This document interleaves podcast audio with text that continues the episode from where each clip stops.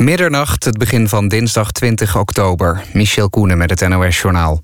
In Dresden is een onbekend aantal mensen gewond geraakt... bij een demonstratie van anti-islambeweging Pegida en tegenstanders. Een kleine 20.000 aanhangers van Pegida vierden dat de beweging... een jaar geleden zijn eerste demonstratie hield. Bijna evenveel tegenbetogers probeerden dat te verhinderen. Over en weer werd met vuurwerk gegooid en er waren wat rellen. Een man van 45 uit Velzen-Noord in Noord-Holland... heeft zichzelf met een kruisboog in zijn borst geschoten. Gebeurde toen de politie hem in zijn huis wilde arresteren. Daar vonden ze ook een zwaargewonde vrouw van 49. En wat er precies is gebeurd weet de politie niet. Ze onderzoeken de zaak. Agenten waren polshoogte gaan nemen nadat een vrouw meldde... dat er een man met een kruisboog over straat liep. In Leeuwarden is een vrouw op straat doodgeslagen met een fles. Kort daarna meldde zich een man bij de politie die zei dat hij dat had gedaan. Ook zou hij eerder vanmiddag een andere vrouw hebben neergestoken... in de Rosse buurt van Leeuwarden. Zij is buiten levensgevaar. De aanleiding van het geweld is niet bekend. In Breda is een kelder, in een kelderbox van een appartementencomplex 300 kilo vuurwerk gevonden. De politie ontdekte de partij nadat ze twee mensen aanhielden op de A27 voor verboden vuurwerkbezit. Politie en brandweer gaan het vuurwerk verwijderen. Het Bredaanse appartementencomplex hoeft niet te worden ontruimd. En de VAR-verklaring voor ZZP'ers en freelancers blijft langer geldig. Staatssecretaris Wiebes heeft besloten dat de nieuwe ZZP-wet niet ingaat op 1 januari... maar pas op 1 april volgend jaar. ZZP'ers hebben een VAR nodig van de Belastingdienst om te kunnen werken. Het kabinet wil dat veranderen omdat er in sommige sectoren veel schijnconstructies voorkomen. Het weer. Vannacht wat opklaringen en lokaal kan er wat mist zijn. Overdag af en toe zon, maar ook veel bewolking en soms wat lichte regen. Het wordt een graad of 12. Dit was het NOS Journaal. NPO Radio 1. VPRO. Nooit meer slapen.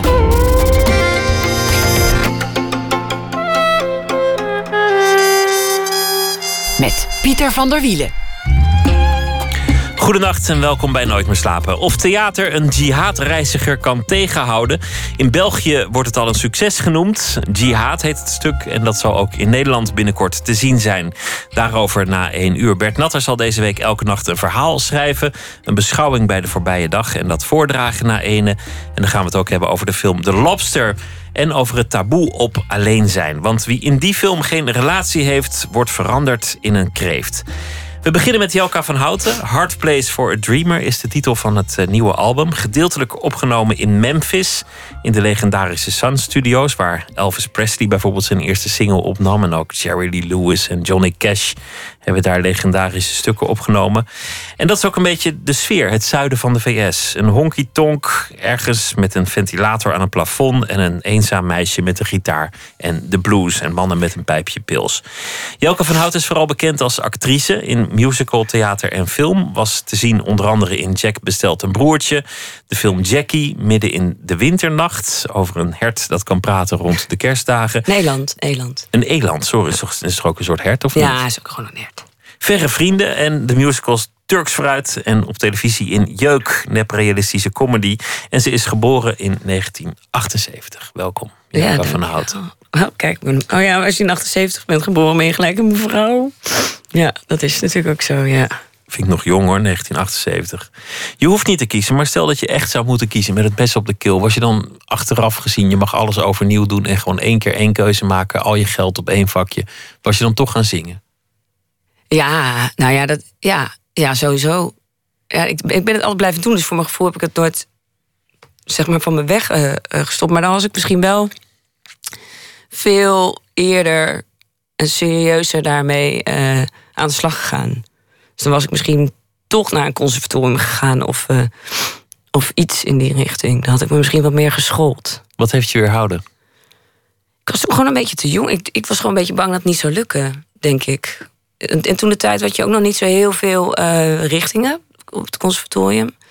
Dus dan was het eigenlijk of eh, klassiek of, of, of jazz. Of, er was niet heel veel. eh, mijn hart lag eigenlijk altijd al bij de Americana muziek. Dus het was voor mij heel ingewikkeld om daar iets in te vinden. Want pop was het dan ook niet. Dus dat was dan lastig. Hing daar ook schaamte omheen, om Americana? Omdat het misschien voor een conservatorium niet chic genoeg is? Nou, het was sowieso nat dan. Ik kan me nog wel herinneren dat ook op de filmacademie zat ik toen... en het was dat 99 of zo. En dan was ik, ik was helemaal wild van die muziek. Maar dat was echt een soort van... dat jij dat leuk vindt. Dan moest je echt een beetje een soort van... Ja, was, moest je echt een beetje die cd... Je moest echt Portishead cd's en zo neerleggen... als de mensen langskwamen, bij wijze van spreken. In die tijd was Americana misschien nog een beetje voor truckers. Ja, ik denk dat ze de schoonheid er niet heel erg van in durfde te zien. Of dat, omdat het vrij... Ja, het is toch drie akkoorden en de waarheid in de snik, zeg maar. Ja, mooi gezegd. Ja, uh, dat is, wie zei dat ook alweer? Een van de legenden is dat ooit gezegd. En dat is het ook echt. Het is heel erg eerlijk qua muziekvorm. En dat is misschien heel direct. En dat is misschien in onze vertaling, zeker toen, ja, volksmuziek eigenlijk. Beetje André Hazes eigenlijk bijna. Zo, is, zo zagen gewoon... Ik denk dat ze toen de tijd dat heel erg zo zagen. Het is de smartlap eigenlijk. Ja, ja. Maar de, de smartlap vandaar. Ja. Hoe, is hoe is het op jouw pad gekomen, die muziek? Wanneer, wanneer ging jij er naar luisteren? Uh, mijn vader die had een... Uh, uh, die draaide altijd platen. En, maar altijd klassiek. En heel zwaar, zware klassieke platen. Echt, echt moeilijke, zware klassieke muziek. En ja, ik vond dat als kind al een hele vervelende sfeer oproepen. Om een of andere reden. Ik had altijd als hij de plaat opzet, dan heeft hij niet zo'n goede dag. En ehm, hij had een paar platen. Hij had een van Dolly Parton, een van Crosby, Stills Nash en van Kate en Anna McGargle. Dat zijn uh, die twee uh, zus. De, de, zusjes uit, eh, uit Canada. Ja. Van Be My Baby onder andere. En dat soort hitjes. En dit Franse liedje, wat zo uit dat... Oh, ik kan geen Frans, dus het maakt niet uit. Heb ik lekker uitgekozen. Maar goed, anyway. is een van die twee is de moeder van Rufus Wainwright en, Wright en Martha Wainwright. Van, en, maar goed, dat was een Canadees volkduo, twee zussen. En uh, dus er waren eigenlijk maar een paar, waren maar een handjevol van die platen waren in zijn kast. En ik denk dat ik dat altijd heel bewust heb geprobeerd op te zetten in de hoop dat het een goede dag zou worden. Dus dat waren voor mij een soort. Er waren slechte dagen, er waren goede dagen. En op de goede dagen klonk er wat lichtere muziek, namelijk Dolly Parton en Kate en Anna. En ja, op de slechte hoewel het helemaal niet zulke lichte muziek is hoor. Maar oh ten ja, opzichte van. Met ja, ja, precies. Ja. ja, zeker. Ja. Dus dat was voor mij een soort veilige haven. Dus dat was ja, dat was voor mij echt een uh, soort ja, hulp door de, door, voor de, door de dag. Ja, het, ik kan niet echt uitleggen. Het was gewoon een soort van. Ja, een jeugdherinnering. Ja. Ik heb je vader uh, wel eens ontmoet en gesproken. Theodor van Houten. Een uh, filmhistoricus en een muziekhistoricus. Een heel actieve, enthousiaste man. Ik vond het heel leuk om hem te spreken. Ging dan ook over filmmuziek van Shostakovich, geloof ik. En iets van Albert Helman, een, een spraakwaterval. Ja, ik, vond, ik, vond het, ik vond het een hele enthousiasmerende man. Ja, hij kan echt heel goed vertellen, ja. Ja, maar je zegt hij had ook wel slechte dagen. Ja, zeker, ja. Het is niet een makkelijke man, nee. Die indruk wekte die ook wel niet. Nee, het is absoluut gemakkelijk. Maar, het is wel een hele bijzondere man. Hij kan heel veel. Het is gewoon iemand die heel autodidact is. Weet je, hij kan alles spelen, weet je wel. Dat is ongelooflijk. Hij speelde altijd ja, op de gitaar, of de piano. Hij heeft het altijd zelf, zichzelf echt aangeleerd. En uh, ja, het is een beetje zo'n ja, zo'n verstrooide professor, weet je. Iemand die ergens heel goed in is. Maar sociaal zijn ze dan altijd wat ingewikkelder. Dat is wel zo, ja. Je bent, je bent niet geheel bij hem opgegroeid, hè? Want Nee. je ouders die zijn gescheiden. Dus hij was niet altijd aanwezig Nee, in, in huis. Maar hij heeft volgens mij wel geprobeerd om, om jou en je zuster... een, een heel muzikale opvoeding bij te brengen. Met, Eh, met de paplepel ja. of misschien wel met de trechter. Hoe, hoe ging met het dat? rechter hoor. Ze zijn wel degelijk, Ja. ja. ja, ja, Sterker nog, ik liet laatst een filmpje zien van mijn zoontje... die aan het dansen was op eh Pointer Sisters. Eh welk nummer was het ook weer? Een heel tof nummer. Echt een goed nummer, weet je wel. En dan is dan het enige wat hij dan kan zeggen is van... En krijgt het kind van jou ook nog eens een beetje goede muziek te horen of niet? Gewoon muziek. Oh, dat is echt ook wel streng. Ja, hij is heel streng. smaakpolitie. Ja, hij is echt smaakpolitie. Dit op, maar heel erg sma zijn eigen smaak. Dus het is niet. Er valt heel weinig. Er zit weinig rek in, zeg maar. Hij heeft wel echt. Ja, hij ontleent zich dat denk ik wel heel erg aan wat hij mooi vindt. Dus het is niet zozeer wat men mooi vindt, maar ja, andere, andere, iets anders dan muziek. Wat hij mooi vindt, bestaat eigenlijk niet. Dus de, de Beatles, dat kan, maar dat ik dan een Stonesplaat heb, dat is eigenlijk uit een boze, zeg maar. Heeft hij wel succes gehad met zijn pogingen om, om je op het pad van de muziek te brengen? Ik bedoel, je hebt een album gemaakt. Je, je bent min of meer de muziek ingegaan. Je zou kunnen zeggen, het is hem toch gelukt. Ja, ik heb nooit de indruk gehad dat hij dat, dat, hij dat wilde hoor. Hij heeft ons ik denk ik nooit de indruk gegeven dat hij, dat hij iets van ons wilde, verlangde van goh, ga toch dat doen of ga toch die kant op. Dat heeft, hij heeft sowieso nooit eigenlijk. Ik weet eigenlijk niet wat hij ervan vindt. Hij is niet zo spraakzaam erover. Ik denk wel, hij is wel, hij is meer. Hij heeft nooit gezegd van doe eens dat of doe eens dit. Ja, trouwens heeft hij wel. Maar wat, wat was dat nou? En dan vond hij dat ik documentairemaakster moest worden. Zoiets was het, geloof ik. Ja. Had ook weer een mening over, ja. Dat wel, maar hij heeft eigen mening. Maar ja, ja over het algemeen vindt hij, vindt hij alles rommel. Ja, dat is toch rommel? Dat is toch, dat is toch, ja, hij is niet zo, hij is heel kritisch. Was het liefste zou hij willen, denk ik, dat ik gewoon een hele zware Russische cinema of documentaire had gemaakt over een, een briljante uh, muzikant of zo. Van iets wat hij heel mooi vindt. Ja, dat denk ik. Klinkt niet, klinkt niet als, als iemand voor wie het ook makkelijk was om, om vader te zijn, als je het zo zegt. Oh, wacht even, de vraag begrijp ik niet. Nou, omdat hij zo bezig is met. Ja, om, om, om vader te zijn, om, om kinderen te hebben. Om, om, om als vader te hebben, bedoel je? Ja, maar voor hem was het waarschijnlijk niet makkelijk om vader te zijn. En voor jou was het niet makkelijk om hem als vader te hebben. Laat ik, zeggen dat nou, de vaderrol niet de eerste rol was die deze man op het lijf geschreven was. Als ik het zo hoor. Nou ja, nee. maar kijk, hij is mijn vader geworden. Maar dat wil niet altijd zeggen dat hij ook echt een vader kan zijn. Maar daardoor heb ik wel. Ja, het is niet een vader zoals mensen een vader ervaren. Maar aan de andere kant heb ik dan weer van hem dingen meegekregen waarvan ik denk, ja, dat had ik nooit gehad. Dus als ik een heel. Ja, als ik gewoon een soort zijlijn, voetbalvader aan de zijlijnachtig figuur als vader had gehad, dan was ik misschien ook niet zo geworden als dat ik ben geworden. En ja, ik, ik moet zeggen dat ik het ook ergens wel heel erg koester. Dat, dat ik gewoon eigenlijk een soort hele gekke man heb als vader, zeg maar. Dat het toch iets. Het heeft je ook gemaakt tot wie je bent. Ja, heel erg. En het is ook gewoon, het is niet zo, maar het is wel echt een bijzondere man. Het is wel inderdaad wat jij zegt.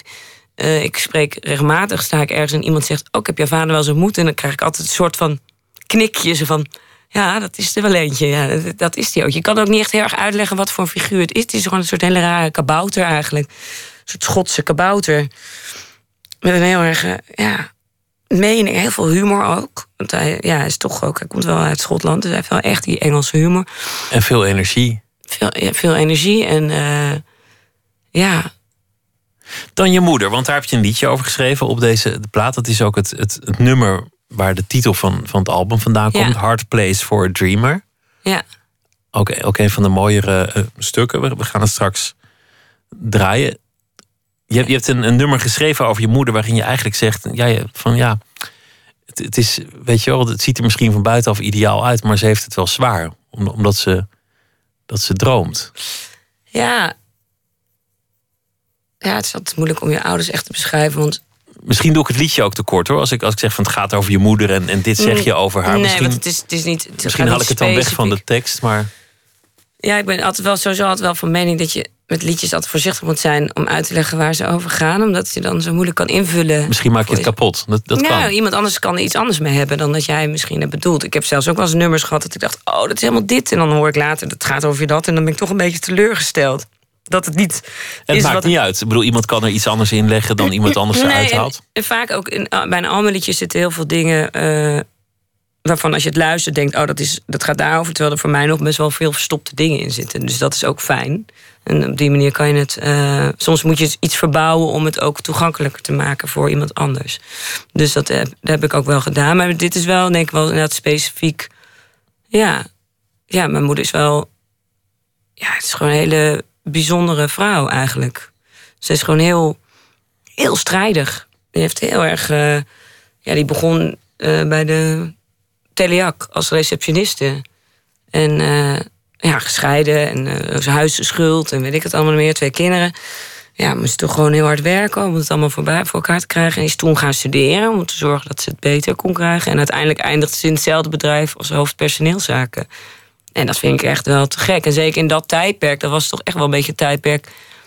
Nog steeds wel hoor, dat moeders toch wel een beetje met de boterhammetjes zaten te wachten thuis. En zij moesten toch wel hard voor knokken. Dat is wel. Uh, en het is altijd nog steeds een soort romantisch beeld. Dat ik dan denk: hè? Echt? Ja. ja. Vier keer getrouwd, ja. als, als ik het goed heb. Klopt, ja. Dat vind ik ook altijd mooi, omdat mensen dan gewoon. Volgens mij altijd in het wit ook. Ja, maar is het toch ook mooi dat je gewoon vier keer kunt Ja, zeggen... Ja, dat dit is het. Dit, Dit Oké, dat was het misschien niet. Maar dat wil niet zeggen dat het andere het niet mag zijn. Ja, ja ik, vond het, ik heb dat ook altijd wel een bepaalde manier... Ja, ik heb het ook niet altijd begrepen hoor. Maar, maar ja, ik heb ook wel altijd gewaardeerd dat ze zo'n zo'n rotsvast vertrouwen had, bleef houden in van dan, dan is het nu wel goed. En dat vind ik toch wel eh bewonderenswaardig. Ja. Had jij dan ook vier, vier vaderfiguren? Ben je ook met, met vier kerels in huis opgegroeid? Respectievelijk. Eh, oh, dat vind ik echt helemaal niet leuk als ik er weer over. Zielig. Eh, nou, nee, kijk, die, die eerste was nog voor mijn vader. Dus die eerste heb ik niet meegekregen. Dus zijn er drie geweest, ja. En de laatste, dat is eh, mijn stief, huidige stiefvader. Maar die is al zo lang. Dat is vanaf dat ik 15 was. Dus dat is dan wel een figuur in je leven Dat geworden. absoluut eh, een of meer. vader, ja, vaderfiguur, ja. Laten we ophouden over je ouders. Want het is toch ongemakkelijk. En, en dan zit ze te luisteren. En dan, moet jij komen Moet ik dat weer uitleggen? En dan denk ik, oh moet jij de kalkoen weer- snijden. En dan, dan wordt het weer ontzettend ongezellig. Dus, dus laten we Nee, dat... het wordt niet ongezellig. Ze zijn het inmiddels wel gewend, maar het is wel... Ja, op een gegeven moment snap ik ook wel dat... Het is ook hun privacy. Dus eh, als je dan tien jaar geleden nog heel erg open was... en zegt, oh, mijn moeder is vier keer getrouwd, la, la. En, en ja, zij krijgen dat nog steeds elke keer wel weer opnieuw te horen. En dan, terwijl, ja, is misschien voor haar ook niet zo leuk. Dus dat is natuurlijk ook dat je denkt... Laat ik het een keer niet doen. Ja. Heb, heb je al met al een kutjeugd gehad? Zou je dat zeggen? Nee, Nee? nee, lastig. Maar niet een, een kutjeugd en dan nee. Nee, lastig, dat wel. Weet je, je, bent, je, je, je zat onlangs bij, eh, bij- bij zo'n late night tv-programma. En toen, toen ging het over pesten. En toen, wat ik wel weer moedig vond, toen zei je van... ik ben ook enorm getreid. Ik lag er altijd uit. En ik heb eigenlijk mijn hele leven daarmee Ja, moeten worstelen. Dat heb ik ontzettend na, met, met Ja. me meegedragen daarna. ja En wat je toen vertelde, dat, wat, wat ik mooi vond... omdat het ook bemoedigend was naar anderen die daar aan tafel zaten... die daar nu mee te maken hadden. Maar dat klonk, klonk eigenlijk niet zo heel leuk. Nee, dat beste dat is best wel, dat is best wel onderschat. Of nou, eigenlijk nu niet meer zo. Maar toen was dat wel zo, denk ik. Dat was meer een soort... We hadden ook op een lagere school een leraar... of de hoofd van de school zelfs. En die was dan... Ja, was ook heel erg popiopie, zeg maar. Die gingen ook een beetje met die popelen. Dat was heel raar eigenlijk. Die, die zette, legde, ze, mensen legden daar niet heel erg een, een streep of zo. Een duidelijke streep maakten ze niet echt voor wat wel en niet kon of zo. Dat ging eigenlijk een beetje daar gebeurde niks mee. Nu is daar heel beleid voor en er zijn hele plannen en zo. Dat, en dan nog gebeurt het. Maar ik denk ook, je wordt ook denk ik snel gepest op het moment dat je gewoon een, een vrij open figuur bent. Omdat je, nou ja, als dingen heel snel dichtbij. Heel, kijk, als, Als je je aantrekt, want iemand van wie Ja. het afgeleid is niet leuk om te treiteren natuurlijk. Nee, en ik was wel echt in open zenuw. In die zin denk ik dat ik... Ik zat ook op een hele verkeerde school. En dus ik, ik, ja, ik woonde daar niet in die buurt. En dat was echt zo'n buurtschool. En dat was ook nog eens een keer echt zo'n... Ja, zo'n Oilily, eh, scho- eh, weet je wel, zo'n Oilily groep van die rijke mensen en zo. En ik was eigenlijk een beetje zo'n slortervosje eigenlijk. En ook nog een keer zo'n overblijfkind. En al die kinderen liepen daar gewoon naar huis. En ik, mijn ouders woonden veel verder weg. Dus dat, ik kon niet naar huis dan tussendoor. En, maar ik, was ook, ik had ook een heel groot rechtvaardigheidsgevoel toen al. Dus als iets wat, wat niet gebeurde, niet klopte, of iets was dat niet klopte, dan raakte me dat zo diep. Nou, dan was ik, ging ik gelijk huilen. Dus dat is heel onhandig natuurlijk. Want dan ben je gelijk de sjaak. Ja. ja, Janka. Ze noemden me altijd Janka, ja. Net zolang ik ook ging huilen. Ja, dat is wel, ja. Maar je zei, ik heb, ik heb daar heel lang mee rondgelopen. Het heeft eigenlijk heel veel beïnvloed wat ik, wat ik later heb gedaan. Is dat misschien ook de reden waarom je dan niet de moed had, bijvoorbeeld om, om voor je eigenlijke passie die muziek te kiezen? Nu ga ik even wat kort door de bocht, maar Nou ja, weet je wat het wel is? Kijk, de eerste jaren zijn gewoon echt zo belangrijk. Hè? Dat, is, dat is gewoon zo. Dus als je daar niet heel veilig eh, eh, in opgroeit, als dat niet een veilige plek is, dan bouw je ook niet veel zelfvertrouwen op. Dus dan, ik denk wel dat ik daardoor misschien een laadbloeier ben, mede daardoor. Dat, ik, dat het het kan ook andersom werken dat je juist een enorme profileringsdrang krijgt. kan ook, ja. Dat je juist, juist enorm veel dingen gaat doen. Ik denk dat heel veel eh, beroemde popsterren gepest zijn in de jeugd. En daar nog Zou- steeds mee ja, vechten. ja, ja, dat zou kunnen. Ja, dat weet ik niet. Ik ben best wel benieuwd wat de statistieken daarvan zijn, zeg maar. Maar ik denk dat. Ja, ik vind het zo ingewikkeld. Ik, ik zie het nu ook zo anders. Omdat, ik, omdat je dan zelf kinderen krijgt. En dan sta je weer opnieuw op het schoolplein. En dan zie je ineens van. Wat een jungle het is.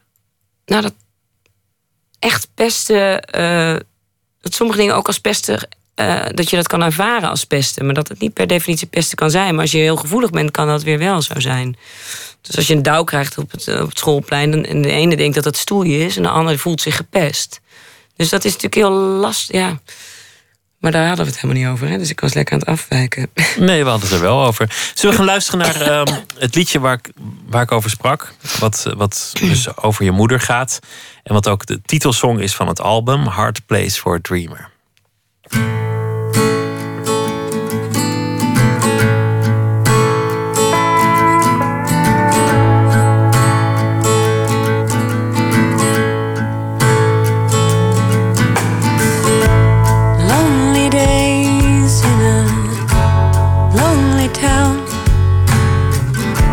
The sun comes up in the morning and it goes back down.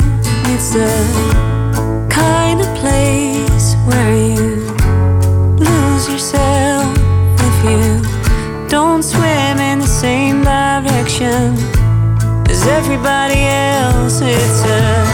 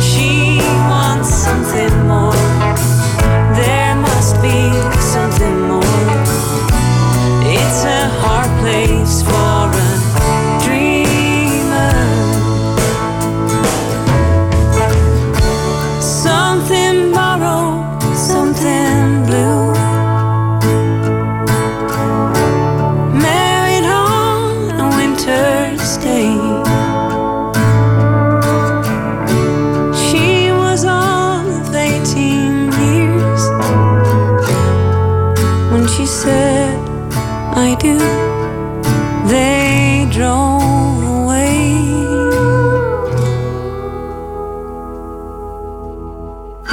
She's older now, but not no wiser. She still has this aching feeling down deep inside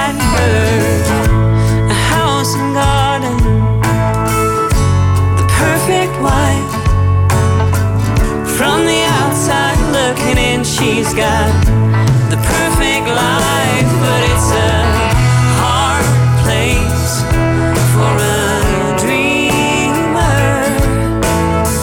She wants something more. There must be something more. It's a hard place for a dreamer. It's a hard place for a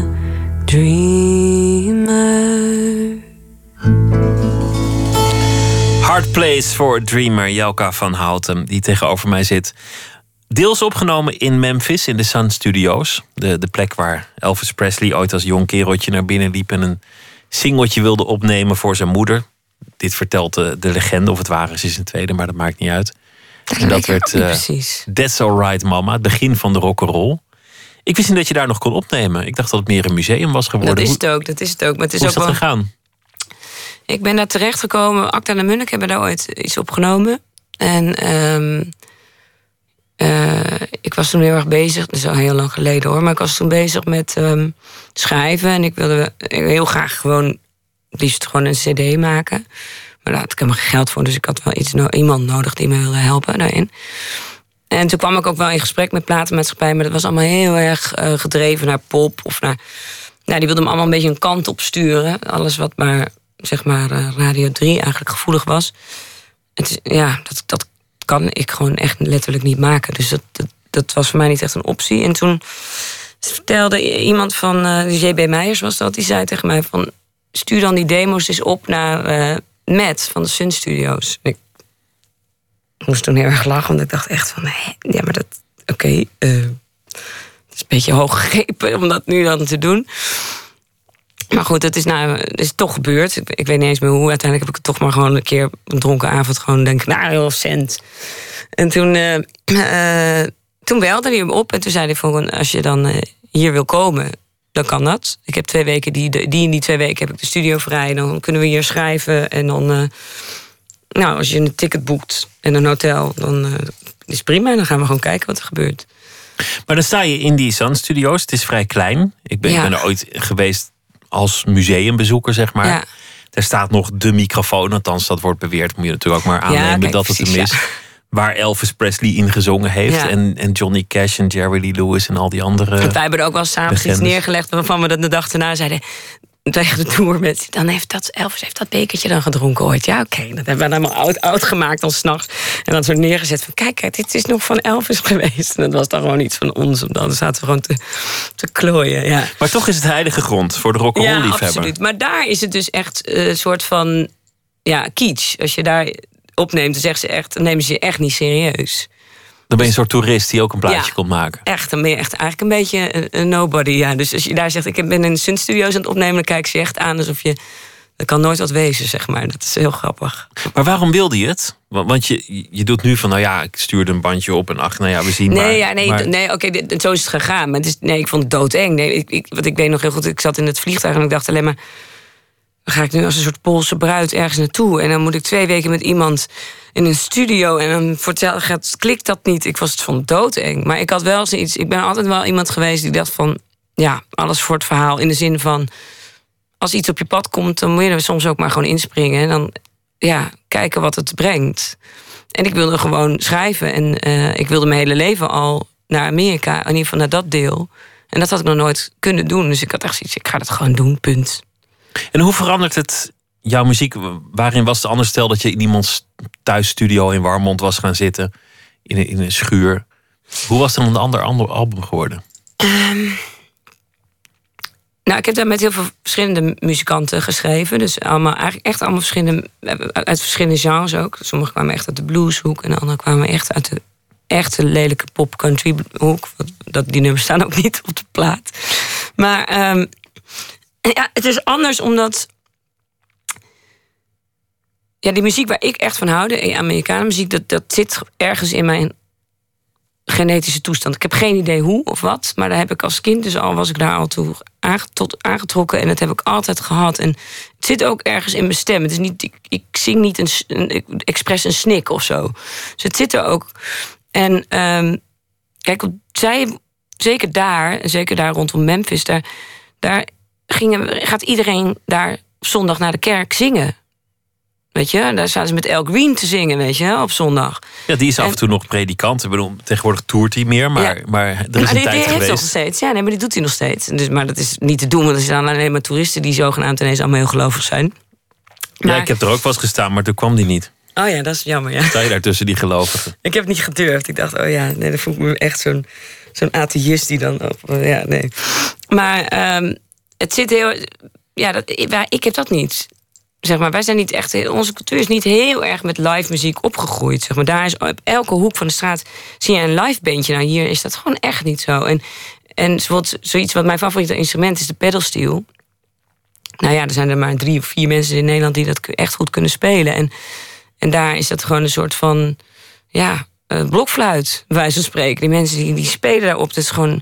idioot. Dat wil niet zeggen dat wij in Nederland geen goede eh, muzikanten hebben. Maar, Maar, niet, maar niet dat niveau. die is, snik, of die tragiek van die muziek, dat, dat is daar zo verweven. Dat is daar Het is ook een beetje oud. vond ik toen ik er was in, in Nashville bijvoorbeeld een beetje verdrietig. Dat het niveau zo hoog is van die muzikanten, Ja. maar ze wel met de hoed rond moeten.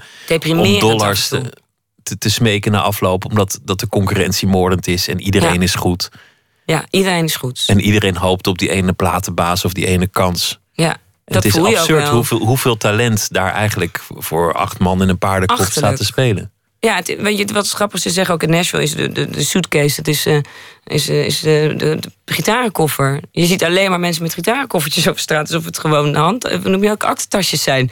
En, en het, dat vond ik ook wel. Ik ben daar toen, toen ook naar Nashville gegaan, toen was ik helemaal dolgelukkig. En toen heb ik op een gegeven moment één avond gehad, toen was ik op het Americana Festival. Toen raakte ik met iemand aan het praten. En voor ik het wist, heb ik, ik weet niet, ging ik alles zien in één nacht.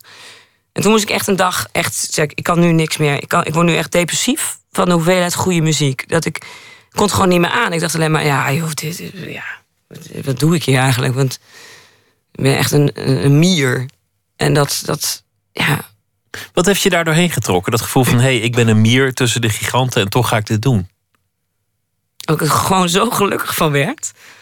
Gewoon de pret van het doen, van, pret van het maken van de muziek. En, en het pret van het elke keer weer in een wildvreemd kamertje iemand ontmoeten en dan daarmee mee een liedje gaan schrijven. En ja, hoe- ik vond het echt magisch. Ja. Ik vond het heerlijk. En het was ook gewoon een soort therapie. Een betaalde therapie of onbetaalde. Ja, nee. Zeg ik het nou verkeerd? Nee, het heeft me wel geld gekost. Dus Nou ja, het was eh, therapeutisch. ja. Je hebt een, een eh, aantal jaar geleden alweer een film gemaakt. Jackie, samen, eh, een film van Antoinette Beumer, samen met je zus Carice van Houten, met Holly Hunter. Jullie spelen ook twee zussen. Dat, dat speelt eigenlijk ook min of meer in die sferen. Het is Ja. weliswaar een ander stuk van de Verenigde Staten, maar New heeft- Mexico, ja. het heeft wel die, die, die Americana-sfeer. En op een gegeven moment zing jij ook een liedje in, nou ja, precies zo'n bar waar, waar, zes man en een paardenkop Ja. bier zitten zuipen. Het is dan, me ook wel in het echt overkomen hoor trouwens. Het is heb echt je echt zo. in zo'n club gestaan? Ja hoor, en dan staan er alleen maar van die, van die grote schermen met voetbalwedstrijden op de achtergrond. En dan staan er- ja, dat is echt idioot hoe dat gaat. Ja, zelfs in, sportbar, eh, in sportbars heb je dus gewoon optredens de hele tijd. In die film is het een vrij cruciale scène. Want het zijn twee zussen die op zoek gaan naar hun moeder, die ze nooit gekend hebben. Die moeder die komen ze tegen, maar dat blijkt geen makkelijk mens. En die, die reist rond in een camper en die probeert eigenlijk richting te geven alsnog aan het leven van die dochters. En die zegt dan tegen jouw personage: Je bent een laffe hond, je hebt het nooit gedurfd. Doe het nou maar, zing dat liedje maar eens en ga er maar eens staan. Daarmee is het eigenlijk een, een sleutelscène in die film. Voor mijn karakter, ja. Voor jouw karakter. Ja, ja, ja. Is, is, dat, is dat min of meer ook hoe het, hoe het gegaan is dat iemand op een gegeven moment tegen jou heeft gezegd van joh, Jelka, hou op het zeuren, ga gewoon muziek maken. ja. Wie was dat? Ehm, nou, ik maakte. Ik, nogmaals, ik, ik heb eigenlijk altijd wel gezongen. En ik, ik, deed ook altijd country en eh, weet je wel, Jackson Brown sessies en weet ik het allemaal. Ik heb het allemaal wel gedaan. Er kwam nooit iemand kijken, maar het was wel. En ik heb met een vriendin nog een, een programma gemaakt, tot de laatste snik heette dat. Waar ook nooit iemand kan kijken. Maar dat was wel een van de leukste dingen die ik ooit gedaan heb. Maar ehm, altijd werk van anderen. Dus altijd van ja, nummers die ik heel mooi vond. Of altijd werk van anderen. En ik dacht altijd, ja, ik kan dat toch helemaal niet. Ik kan toch niet een nummer schrijven. Ik bedoel, ik kan, ik kan wel akkoorden spelen, maar ik kan, je moet mij niet echt met de gitaar, dat ziet er gewoon niet uit. Maar, en ik kan ook wel melodieën en zo, maar ik dacht, ik kan dat helemaal niet. En toen op een gegeven moment ging ik ergens optreden. Van een nachtclub of zo. En toen was een van die ehm, muzikanten, die zei toen tegen mij van, maar, maar, maar waar is jouw plaat dan? Moest ik, ik zei, ja, ja dat, eh, dat is de die heb ik niet. Dat me eigenlijk ook echt niet. Ik denk dat ik het zo eng vond, omdat het zo'n grote droom was, dat ik dacht van dat het niet ook in me opkwam dat dat mogelijk zou kunnen zijn. En die heeft dat toen een beetje aangezwengeld. Die zei van, dan ga gewoon schrijven met iemand. Ik zei, ja, maar hoe? Waar moet ik dan beginnen? En nou, dat deed ik dan. En dan begon echt met I love you, that's why I love you. En toen dacht ik, ja, zie ik kan het helemaal niet. Zo verschrikkelijk. En toen, eh, nou ja, en toen ontmoette ik wel een hele leuke singer-songwriter uit Amerika. Ook, toevallig. En eh, ja, die heeft mij echt een beetje ontmaagd op het, op het singer-songwriter eh, gebied. Die, daar voelde ik me zo op mijn gemak dat ik toen wel echt hardop durfde te zeggen waar ik over wilde schrijven. En toen is het eigenlijk zo langzaam gaan rollen. Dus Waarom, waarom was dit zo moeilijk terwijl andere dingen die je hebt gedaan, acteren, musical, theater, film, televisie, die leken eigenlijk op je pad te komen en die gingen meteen goed. Je deed een rol, je won een prijs. Je deed een rol, je werd teruggevraagd voor een andere rol. Eigenlijk heb je daarin een, een, een prachtige carrière gemaakt. ja. Het min of meer op je pad leek te komen en daar leek die angst dan niet aanwezig. Ja, maar het is een rol. En dit is gewoon wel echt. Al die liedjes die zijn echt van mij. Dus die. Maar een rol is toch ook van jou? Ik bedoel, je, Ja, maar het je naam toch- staat er toch op? Ja, maar het is. het komt ook, ja, een rol is toch gespeeld. Ik speel toch iemand anders. Dus het is, je kan altijd verschuilen achter die rol. Of achter de regisseur. Of achter, eh, weet ik veel, het licht bij wijze van spreken. Of de andere acteurs. Of wat het dan, of een slecht script. Of weet ik het. Je kan altijd zeggen, oh, dat is dat. Of, eh, en, je, en je werkt altijd in dienst van. Dus een regisseur bepaalt wel hoe jij het speelt. Dus als jij, ja, daar word je wel op gekast. Het past vaak wel bij wat jij ook zou doen. Maar in principe sta je gewoon wel in dienst van. Je, je voert iets uit en hier maak je iets. En dat is wel een groot verschil, vind ik. Het was, was aanvankelijk niet je ambitie, want je, je, ging geloof ik decorbouw studeren of iets, iets meer achter de schermen in, in de, de film- en theaterwereld. Ja, ik wilde, ja, ik wilde eigenlijk naar het conservatorium, maar ik was gewoon bang dat het te slecht zou zijn, eigenlijk, denk ik vooral. En uh, toen wist ik eigenlijk helemaal niet wat ik, wat ik wilde doen. En uh, ja, ik hield altijd heel erg van klussen, letterlijk en figuurlijk. Ik vond dat timmeren, zagen, zagen schilderen, even elektriciteit omleggen, dat soort dingen. Ja, ik, vind dat, ik vind dat heel leuk, nog steeds. En um, ja, toen zei iemand ineens van, ja, je kan ook decor uh, doen. Toen dacht ik, oh ja, dat vind ik eigenlijk wel leuk. Dus toen ben ik dat gaan doen, maar eigenlijk was het ook wel vrij snel al duidelijk dat dat niet... Ik wist het toen ook het zingen heel erg, omdat ik... Ik had altijd bandjes en dan kon ook op een gegeven moment, omdat ik dan moest filmen, kon ik niet meer ja, ik was altijd weer zo dat ik op zondag zouden we dan repeteren. En dan moest ik eigenlijk filmen. Want op zondag dan was die, winkel net dicht, waardoor we in die winkel konden filmen. Dus, dus op een gegeven moment deed ik dat niet meer. En daar werd ik heel ongelukkig van. Dus toen is, eigenlijk, toen is dat weer een beetje zo. Toen is dat eigenlijk heel erg gaan broeien weer. En toen zei ik uiteindelijk tegen iemand van ja, ik wil gewoon liefst zingen. En toen zei iemand van er is een auditie voor Turks fruit. En toen zei ik, nou, dat is toch een slechte grap. Dat je van Turks fruit een musical gaat maken vond het echt een hele flauwe grap. Ik zei ook echt, ja, ga ik dat, dan zul je zien dat ik dat dan word. dan moet ik dan zingen, maak me geen kindje of zo. Ik vond het echt heel idioot toen.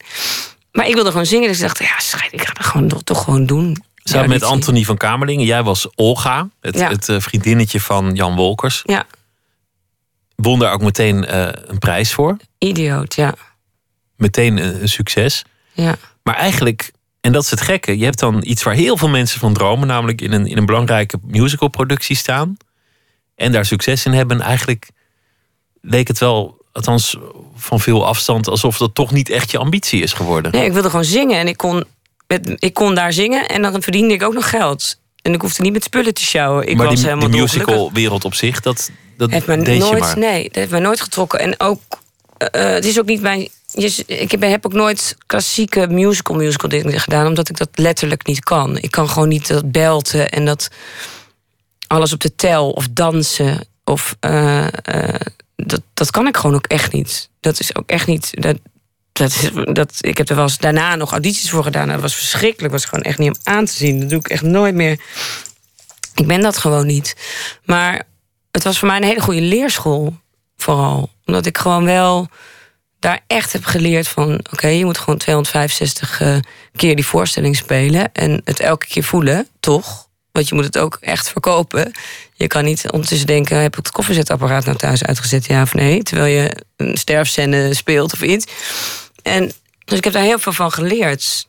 En ook, ik denk dat mijn... ook qua zang heb ik daar ook veel geleerd.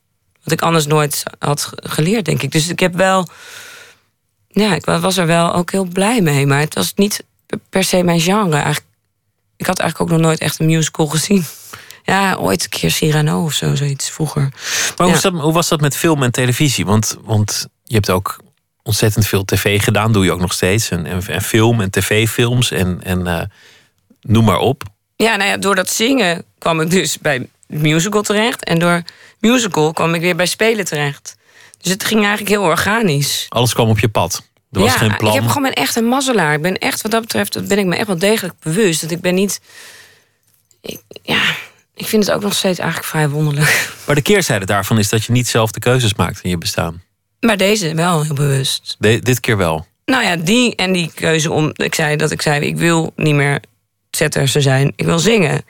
En dat ik toen, dat ik toen dacht, oké, dan ga ik die auditie doen. Dat was voor mij een hele duidelijke keuze. Ik heb ook gezegd, ik ga niet meer... Want ik had best wel een goed bedrijf eigenlijk. Ik deed het best wel goed als art director. En setdresser en uh, een regisseur. Maar ik had heel bewust dat allemaal... terwijl ik geen, geen geld had en ook wel huur moest betalen... gedacht van nee, als ik dit wil doen, dan moet ik dat gewoon echt proberen. Dus dat. En toen heb ik ook eerst wel allemaal andere dingen verkloot hoor, voordat ik in Turks vooruit kreeg. Maar ehm, dat was wel een hele bewuste, hele bewuste zet. En ook later dat ik dacht van ik moet gewoon niet meer een musical nu gaan doen. Want het is zo bijna onmogelijk om dan nog serieus genomen te worden eh, als je een eigen plaat maakt. Dat, dat merk ik nu ook heel erg. Dus dat was ook een hele duidelijke zet. Ik denk, ik wil uiteindelijk wil ik die muziek maken. En dat is altijd mijn ding geweest. En ook daarin heb ik gedacht, oké, dan moet ik daar gewoon een streep onder zetten. Moet ik, moet ik daar wel een richting in kiezen. Dan moet dus ik dat is gewoon gaan eigenlijk doen. wat je nu zegt, dit is mijn droom, dit is vanaf nu mijn plan, dit is wat, wat, wat ik wil gaan doen. Dat is eigenlijk altijd, ja, het is eigenlijk altijd mijn plan geweest. Alleen het heeft even heel lang geduurd voordat het hier nou zo ligt. Hoe is het met, met die onzekerheid verder gegaan? Want je zei, ik, ik ben heel lang onzeker gebleven. Ik was eigenlijk altijd al makkelijk van mijn stuk te brengen. Het weerhield me ervan. Daar heb ik, nog steeds, ik ben nog steeds wel een open zenuw, maar dat zal nooit helemaal veranderen, denk ik. Maar het is wel. Kijk, ik, ik ben nu, denk ik, sinds Turks vooruit was, wanneer was dat? 2005 of zo? Dus tien jaar. Sindsdien ben ik al aan het werk. Dus ik heb ook wel met de jaren gewoon op een gegeven moment zo heel langzaam aan, dacht ik ook van. Nou, misschien moet ik nu ook maar eens ophouden met dat het alleen maar mazzel. Ik zei het net trouwens weer, maar dat het misschien alleen maar mazzel is, want ik werk er hard voor en ik Je doet iets goed. doet iets bedoel, goed ja. blijkbaar, want ik word nog wel gevraagd. Dus, dus eh, je krijgt wel steeds meer daar bevestiging in. Maar het, is ook, het maakt je ook gewoon weer heel kwetsbaar. Want ja, met dit vind ik het eigenlijk doodeng. Dus dat, eh, Doodeng om naar buiten te treden met die platen en, en dat iedereen het hoort Ja, en ziet. En, En dat, dat is natuurlijk heel raar, hè? want iedereen zegt: waarom maak je dan een plaat als je toch niet wil dat mensen het horen of daar iets van vinden? En dat is niet per definitie het geval. Ik wilde gewoon heel graag die plaat maken. En ik heb eigenlijk ja, tot op misschien een paar weken geleden nooit heel erg beseft wat het ook echt betekent als die plaat ook daadwerkelijk uitkomt. Dat klinkt heel naïef, maar ik vond het eigenlijk best wel ingewikkeld. Dat ik dacht: oh ja, dit is iets van mij en dat wilde ik altijd heel graag doen. Dat was echt een jeugddroom. Nu is het er. En nu moet ik dat ineens gaan verkopen. Dat voelt dan eigenlijk heel onnatuurlijk. We gaan luisteren naar een, een stuk, A Part of Me. Dat volgens mij gaat. eh, want, want je bij, bij in het boekje foto's staan. Dit is volgens mij een foto van jou en je, je zus Carice. Ja, Het nummer zal dus ook wel over haar gaan. Het gaat ook nee, over, deze, over- is, deze wel een inkoppertje. Ja, die is wel de duidelijk, ja. Het gaat over iemand die verdriet heeft. Ik wil dat ik iets voor je kan doen. Ik voel het. Het gaat eigenlijk bijna over een soort telepathische band op afstand. Zoals ik het hoorde. Dat vind ik knap dat je dat eruit hebt gehaald. Ja, Zat dat er ook in? Of, of heb ik ja zeker wel, ja. Laten we luisteren naar A Part of Me.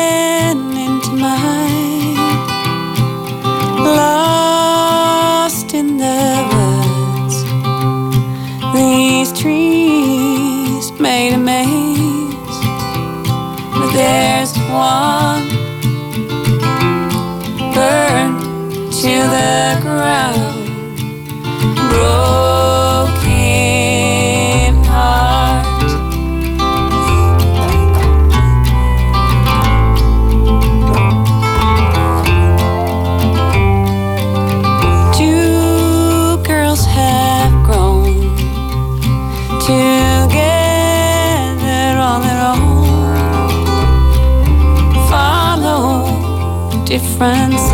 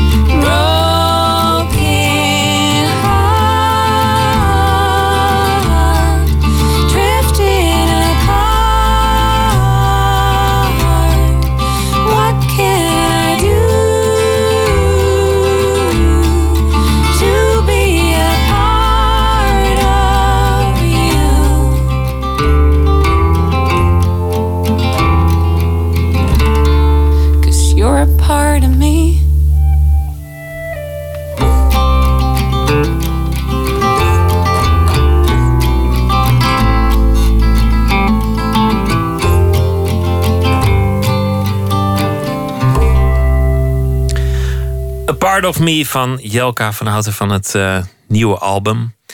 Over je zus, Carice. In, in de film dan is, is Carice het, het assertieve loeder die volledig uh, ja, geobsedeerd is door haar werk en altijd haast heeft. En de andere is, is de pleaser die altijd lief wil zijn voor iedereen, die iedereen naar de zin wil maken. Het leuke is dat het geloofwaardig wordt omdat, het, omdat jullie echt zussen zijn. Dat op de een of andere manier jullie toch in een soort naturele verhouding vervallen. Ja, het is. Ik kan dat dus niet zien. Ja, dat is heel raar. Maar je kan. Ik vind het heel moeilijk met iets terug te zien met een film. Is omdat je dan eigenlijk voornamelijk bezig bent met van. Oh ja, dat was die scène, toen was het zo koud. Of toen was dat en dat aan de hand. Of toen was. Dus ik kan. Ik kan ja, je kan bijna niet objectief naar jezelf kijken. Of, en ook niet naar die combinatie. Omdat ik. Ja, dat. Ja, is niet zoals zus en ik echt met elkaar soms ook wel trouwens. Echt met elkaar om zouden gaan. Dus het is, en zo liggen de verhoudingen ook niet tussen nee, jullie personen waarschijnlijk. Nee. Ja, ik ben wel misschien wel wat meer de flap uit van de twee. Maar en ja, zijn ze misschien wat strenger voor zichzelf of zo. Maar, maar nee, het is niet. Het is niet dat je zo echt tot elkaar verhoudt. Ja, dat is gewoon zo.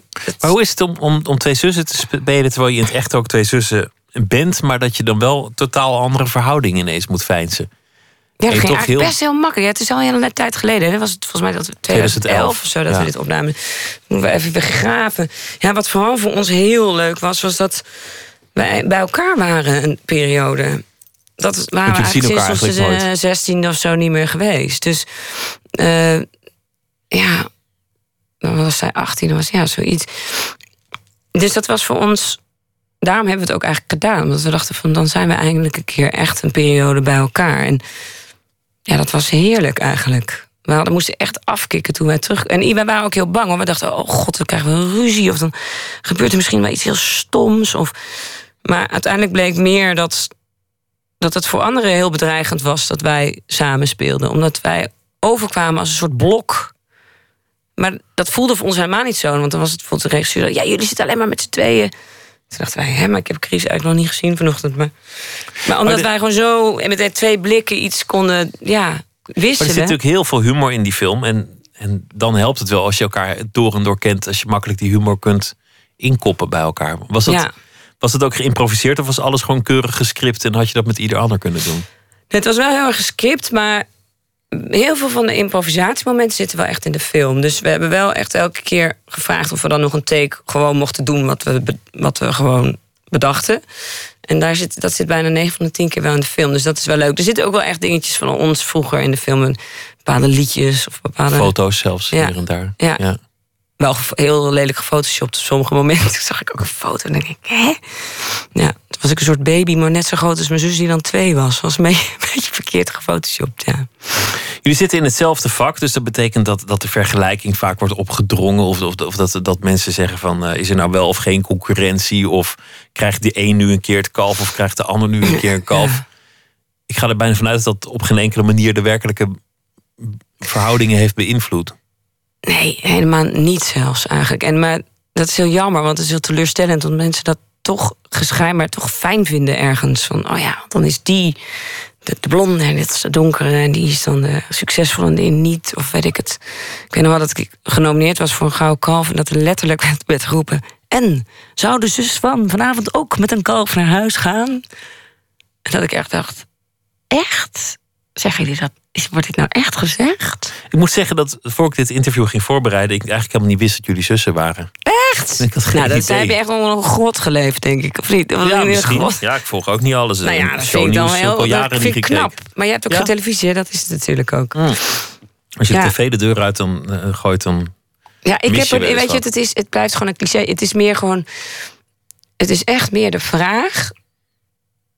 Ja, ik, ik, ik kan niet uitleggen, maar het is gewoon als je zelf denkt, oké, je zit nu in een auto en je denkt, oh, mijn broer of mijn zus dit. Of ja, dan denk je ook niet zozeer aan dit soort. Of ja, ja, stel je een bakkersbedrijf hebt en je broer is ook bakker. Dan heb je het ook bijvoorbeeld niet de hele dag over uh, hoe bak jij nou toch dat brood? Of zit je ook niet tijdens de kerst dat je het alleen maar hebt over of je nou speldbrood bakt of weet ik. Ja, snap je het? Zo, zo, zo, zo is het eigenlijk. En um, ja, jaloezie wordt mij ook gewoon heel vaak gevraagd: van ben je nou niet jaloers? Of denk ik, ja, wie. Wat, ik ben eigenlijk heel blij met wat ik doe. Dus waarom zou ik jaloers zijn op iemand die ik en nooit zou zijn zelf. En ja, waar ik, ben gewoon heel anders. Het is gewoon En niet. iemand eh, die je het beste gunt, dus waarom, waarom zou je? Ja, Ja. lijkt me logisch. Ik vind het echt. En ja, maar, toch het is lastig. Want soms willen mensen toch graag een soort van de, goed in de bedkap, zeg maar. Weet je? Of de mislukte en de gelukte of zo. En dat ik kan me daar helemaal niet in vinden. Want ik ik gun me dus echt de hele wereld. Dus, eh, en zij mij. Dus het is niet. Ja. Ja, dat Ja. blijft zo gek. Ja. Je kan er maar niet. eh, ik, weet ook niet meer, ik weet ook niet meer zo goed wat voor een antwoord ik daarop moet geven. Want het, het is gewoon een soort. Keert maar terug. Laten we verder Ja, gaan. ja, ja. We, we hadden het over eigenlijk de hele tijd van, nou ja, ik wilde altijd al muziek maken. Andere dingen die kwamen op mijn pad. En uiteindelijk is dit wat ik, wat ik ben gaan doen. Je zei ook een beetje terloops, ik ben met mijn onzekerheid te boven gekomen. Ik ben dingen anders gaan zien. Ik snap nu veel meer hoe het in elkaar zit. Welke keuzes ik heb gemaakt. Ik durf ook meer uit te komen voor mijn keuzes. Ik verschuil me niet achter eh, het is toeval. Nou, ik vind het wel heel moeilijk om echt ergens voor te staan, hoor. Dat merk ik wel. Ik vind het wel heel lastig als mensen bijvoorbeeld vragen, ook in het buitenland. Dus mensen, mensen die echt niet mij van iets kunnen kennen of zo. Dan ehm vragen "Goh, wat doe je dan? Dan kan ik echt bijna eh, niet uitspreken. En dan zeg ik, ja, nee, we doen gewoon verschillende dingen. Af en toe doe ik iets van theater. Ik zou niet kunnen zeggen, oh, ik ben actrice of ik ben zangeres of zo. Dat vind ik zo ingewikkeld. Dus ik vind het nog wel. Dat Maar wat is er dan moeilijk om, om er trots op te zijn of om ervoor uit te komen? Of om de keuze te maken? Want als je het uitspreekt, dan, dan maak je ook een keuze eigenlijk. Ja, ik ben gewoon. Nee, de keuze heb ik wel gemaakt. Alleen die zit ook wel echt in mij. Maar ik ben wel geneigd om het te bagatelliseren, denk ik. Ja. Om het kleiner te maken. Om er niet echt heel erg voor te staan. Omdat, misschien omdat gewoon een bang op het moment dat je ergens voor gaat staan, dan. Nou ja, hoge bomen vangen veel, veel wind. Dus dan voor hetzelfde word je omvergeblazen. Dus ik denk dat dat wel daar te mee te maken heeft. Ik zou dat echt meer. En dat vind ik ook prettig aan Amerika daar zijn ze helemaal niet zo. Wij zijn natuurlijk heel erg geneigd om onszelf kleiner te maken. Om te zeggen, nou, daar ben ik niet zo goed in. Of eh, als je dat in Amerika zegt, kijken ze echt aan alsof je gek bent. Dat zeg je niet, weet je. Dat is echt een soort van... Ik weet nog wel dat ik ergens zat te eten. Ik zei, ja, daar ben ik helemaal niet goed in, hoor. En dan zegt ze, why do you say that? Ik zo, ehm, eh, gewoon dat ik er niet goed in ben. Van, nee, dat moet je echt niet zeggen. Je moet gewoon eh, zeggen, dit, eh, dit kan ik. En daar ben ik goed in. En nou, dat vind ik nou, daar leer ik wel van. Dus ook die tripjes daar naartoe. Ik bedoel, ik doe dit nu al een jaar of acht of zo. Dat ik echt daar heen en weer vlieg om te, te schrijven met vrienden die ik daar heb ontmoet. En, want die sommige liedjes zijn heel oud, die erop staan. En daar leer ik echt van. Want dat het daar ook heel normaal is. Dus daar is het- hoe meer, hoe vaker je merkt dat het heel gek is om jezelf te bagatelliseren, hoe meer ik gewoon kan zeggen: ja, ik ben eigenlijk best wel goed hierin. En als je dat dan zegt, dan denk je: oh, ik hoef niet eens van mezelf te kotsen als ik het zeg. Weet je? Ik vind, ik dat wel aantrekkelijk als iemand dat gewoon, gewoon hardop zegt. Ik- dat hij ergens ik goed ook, hoor. is. Van Gewoon lekker andere van mensen, de daken ja. schreeuwen. In je persoonlijk leven maak je wel overtuigde keuzes. En ben je wel eigenlijk altijd heel erg ergens voor ehm, gaan staan. Ik bedoel, je bent al al honderd jaar met de geschiedenisleraar. ja. Dat, dat, je, hebt, je hebt volmondig voor je gezin gekozen. En daar, Ja. daar ben je zonder enige twijfel heb je daar aan overgegeven aan, aan het moederschap. Toch ook, ook een vrij. Nou, dat gaat nooit van. Het is altijd eng. Moederschap, holy moly, man. Pff, ik wist niet wat me overkwam, maar ik heb, ik heb dat echt altijd gewild. Ja, dus dat is absoluut een. eh, eh, dat is voor mij niet, niet een, een vage keuze of zo. Maar, daar- dat het eng of spannend is, dat, dat, hoort, dat vind ik, dat is tuurlijk. Omdat je daar, oh, daar word je ook onzeker van. Het is gewoon. Pff, ik wil het liefst alles heel graag goed doen, maar dat is gewoon niet te doen. Nee, maar ik vind het wel opmerkelijk dat als je, als je moeite hebt met het maken van keuzes. En, en moeite als je een soort twijfelaar bent. En eigenlijk Ja, maar ik ben. een ja. beetje alles, alles terugkomt op keuzes. Dat, je, dat, je daar, dat het daar dan wel helemaal lukt. Nou, ik ben, wel ik ben gewoon een leeuwin als het om anderen gaat, denk ik. Meer dan voor mezelf. Dus ik ben echt een leeuwin. Dus als er iets is vanwege mijn kinderen, dan, dan kan het niet. Punt. En dan ben ik ook heel fel. Of eh, als het gaat om vrienden of zo, dan ben ik heel eh, ja, bes- beschermend, denk ik. En dat is voor mij ook helemaal niet onduidelijk. Maar voor mezelf vind ik het, dan ga ik veel meer in mijn hoofd zitten en dan ga ik twijfelen. Dan ga ik denken, oh, is dat, ja, doe ik hier wel goed aan? Of is het wel. eh, Dus je leeft een beetje voor anderen. Mm, nou, dat heb ik wel een periode denk ik wel gedaan, ja. Maar nu, eh, nu gaat het beter. Ik, ik, ben- ik ben gematigd aan het worden. Ik kan ook best wel iets voor mezelf. Ik kan ook best wel iets, eigenlijk. Zo, punt. Mag Zo. ook hard, zeg, het, zeg het gewoon hardop, Jelke. Ik kan iets. Kan ik best kan wel het voor iets. mezelf. Ik Leef niet alleen voor anderen. Ja. Het gaat goed. En vanaf nu af aan ben ik muzikant. En ik heb een album uit. Ja, dat, oké, dat lukt me dan nog niet. Jawel, ik heb een album uit en daar is, ik ben er eigenlijk best heel trots op. Zullen we nog een liedje gaan draaien van het album? Welke, Met welke, welke? Good Friends. Oh, yes! Ik hoop Omdat we het hadden over, over de mensen om je heen die belangrijk zijn. Ja, dat is echt een heel fijn liedje. Daar ben ik echt heel blij mee. Laten we luisteren.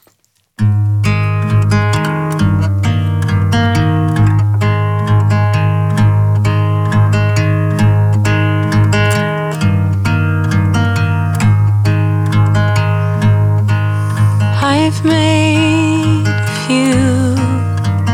good friends. They're more like me than I am.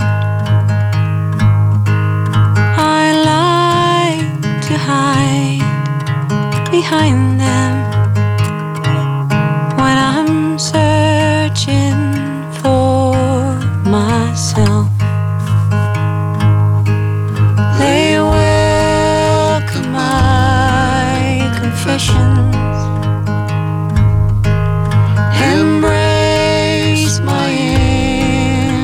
perfection.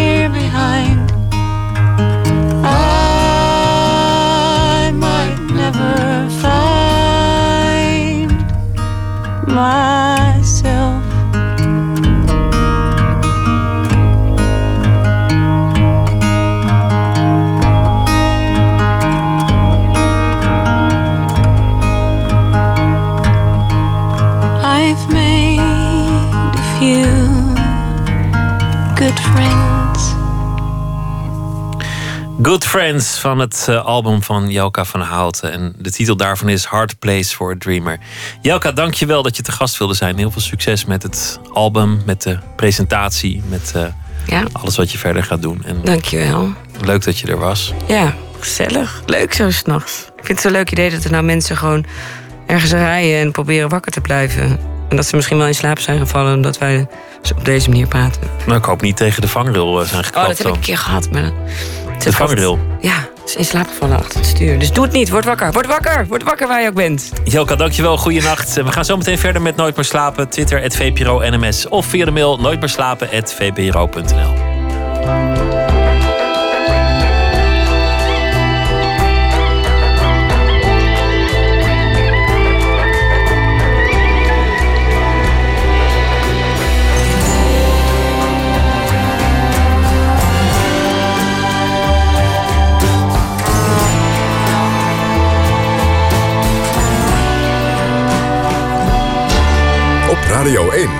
Nieuws van alle kanten.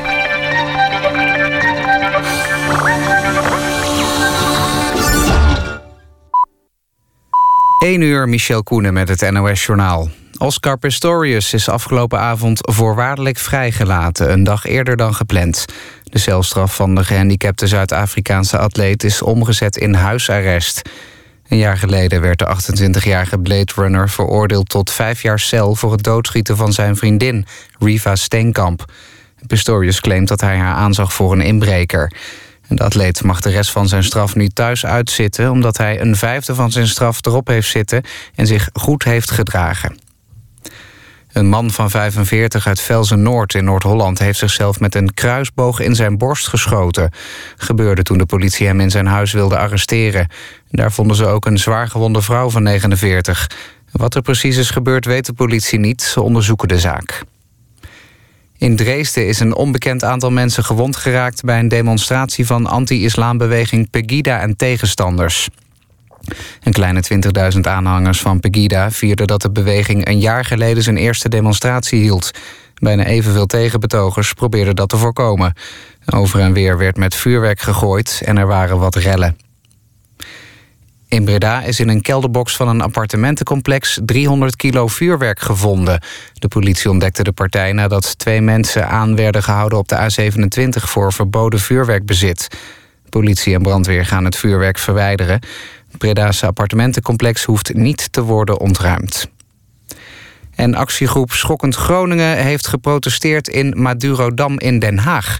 Iemand van de actiegroep heeft zo'n 30 spandoekjes opgehangen... voor het miniatuurstation van Groningen. Madurodam zou niet blij zijn geweest met de protestactie. Ze hebben de spandoeken weggehaald.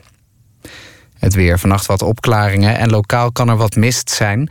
In Gelderland en Overijssel zelfs dichte mist. Overdag af en toe zon, maar ook veel bewolking en soms wat lichte regen. Het wordt een graad of 12. Dit was het NOS Journaal. NPO Radio 1. VPRO. Nooit meer slapen.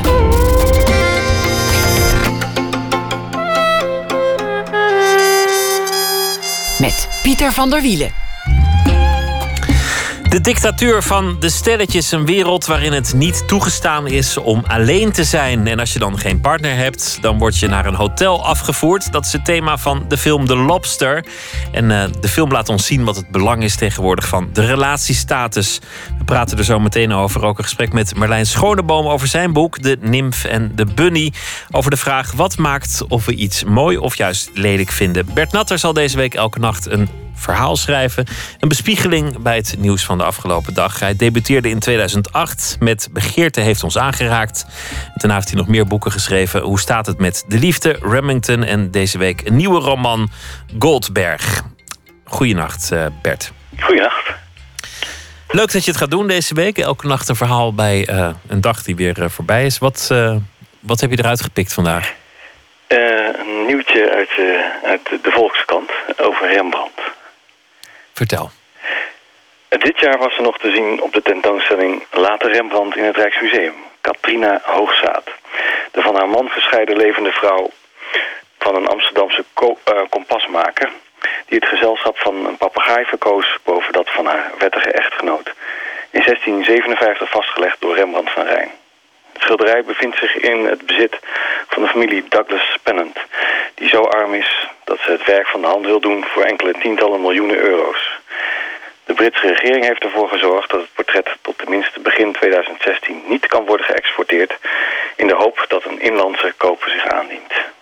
Wat mij verbaast over Rembrandt is dat de grootste expert een werk van hem niet met het blote oog van dat van een leerling kan onderscheiden. Er is wetenschappelijk onderzoek voor nodig op TNO-niveau om zeker te weten dat we niet te maken hebben met een Schummel-schilderij... waar hij zijn signatuur alleen maar onder heeft gezet. Ooit interviewde ik het hoofd van het restauratieatelier van het Mauritshuis... en vroeg haar waarom het prachtige schilderijtje van de jonge Rembrandt...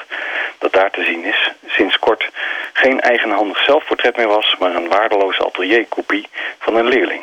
Ze zei dat uit röntgenonderzoek bleek dat dit paneeltje niet de in die periode voor Rembrandt karakteristieke onderschildering had.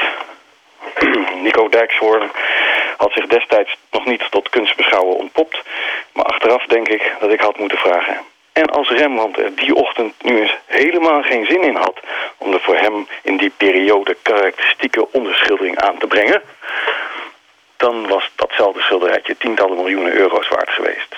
Zo wordt van de vrije kunst alsnog rigide wetenschap gemaakt... omwille van het geld. Het is een uh, terechte uh, bespiegeling die je hebt vandaag. Want uh, ja, iets is een Rembrandt en dan niet. Maar, maar nu met dat doek in Engeland, hè? want ze waren dan met die twee doeken van de familie Rothschild ineens heel gretig. Oh, dit moet in Nederland, dit is ons erfgoed. Ik, ik geloof niet dat de Engelsen het laten gaan, maar het schept toch een soort verplichting dat als er ooit nog ergens een Rembrandt op de markt komt, die er een beetje toe doet, dat, dat dan de Nederlandse regering misschien wel weer de poeplap moet trekken. Ja, dat is het. En, en, het verhoogt natuurlijk, tenminste, nou ja, je zou kunnen denken dat het de prijs van die schilderijen enorm verhoogt. Zeker als regeringen zich gaan vasthouden aan zo'n schilderij. Dat waarschijnlijk in dit geval hangt het ergens in een kasteel in Wales. En bekommert zich niemand erom, denk ik. Maar die Engelsen hebben een probleem natuurlijk, want ja, zij hebben eigenlijk, nou ja, dat mag ik niet zo zeggen, maar ik denk niet dat veel Engelsen luisteren. Ze hebben natuurlijk eigenlijk geen grote schilders gehad in de 17e eeuw. Wat ze daar hadden aan schilders waren eigenlijk mensen die uit Nederland kwamen. Van Dijk bijvoorbeeld. Uh, dus, en, en in de componist in de 18e eeuw, Hendel is de grootste Engelse componist, zou je eigenlijk wel kunnen zeggen. Dus, en dat was ook weer een, een import. Dus, dus als ze dan iets hebben, dan willen ze het ook heel graag houden. Hè? Is ook beroemd, beroemdste, een van de beroemdste kunstwerken in Engeland zijn de Elgin Marbles, die in het British Museum te, zijn, te zien zijn. Ja, die zijn in de 19e eeuw gewoon gestolen uit, uh, uit, uit, Griekenland. Ja, maar er hangen natuurlijk ook hele mooie Rembrandts weer in New York. En, en er hangen ook ja. hele mooie doeken van iedereen over de hele wereld. Ik kan daar eigenlijk niet zo ontzettend van wakker liggen. Of een doek in een ander, ander land hangt. Alleen dat, dat gesleep met al die doeken, omdat er dan weer een megatentoonstelling is. Ik bedoel, ik ben geen expert en ik heb me laten verzekeren dat dat heel goed en heel veilig kan. Maar toch, om met zo'n 17e eeuws doek dan ontzettend te gaan zeulen en, en elke drie maanden op en neer naar Parijs. Ja, dat zit mij niet lekker. Nee, de, de, de, toevallig ken ik iemand die wel eens in zo'n, met zo'n, met zo'n uh, schilderij in het vliegtuig mee is gereisd. En dat is helemaal, dat wordt, er gaat echt per schilderij iemand mee zo'n beetje om te zorgen dat het goed aankomt. En die iemand vertelde dat ze een keer ergens aankwam en dat toen uh, schilderij niet meer was. Uh, maar goed, uiteindelijk was het er nog wel hoor. Maar het kan ook heel, inderdaad helemaal misgaan. Aan de andere kant uh, zorgt het er soms voor... Dus dat een soort tegenprestatie als een schilderij bijvoorbeeld naar het Rijksmuseum komt... uit een land waar niet zoveel geld is om het te herstellen... of, niet zoveel expertise... dat het heel prachtig wordt gerestaureerd. En dat is wel iets wat opvalt, dat als je in een Nederlands museum rondloopt, Mauritshuis of het Rijksmuseum, zulke grote musea zeker, de kunst er allemaal heel erg mooi uitziet. Dat die allemaal heel goed onderhouden is. En dat is, zodra je de grens overgaat, wordt dat al vaak een stuk minder.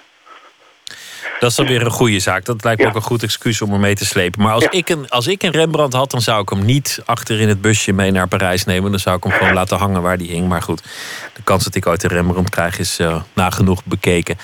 Bert, dankjewel. Een hele ja. goede nacht. Morgen weer een uh, verhaal. En uh, voor nu een hele goede nacht. Dankjewel. Oké, okay, goed. Dag. De Britse singer-songwriter John Grant vertrok uit zijn vaderland op de vlucht voor zijn eigen neiging tot zelfdestructie. Kwam terecht in IJsland. En uh, van daaruit maakt hij weer muziek. En het laatste album heet Grey Ticketless Black Pressure. En het nummer heet ook zo. I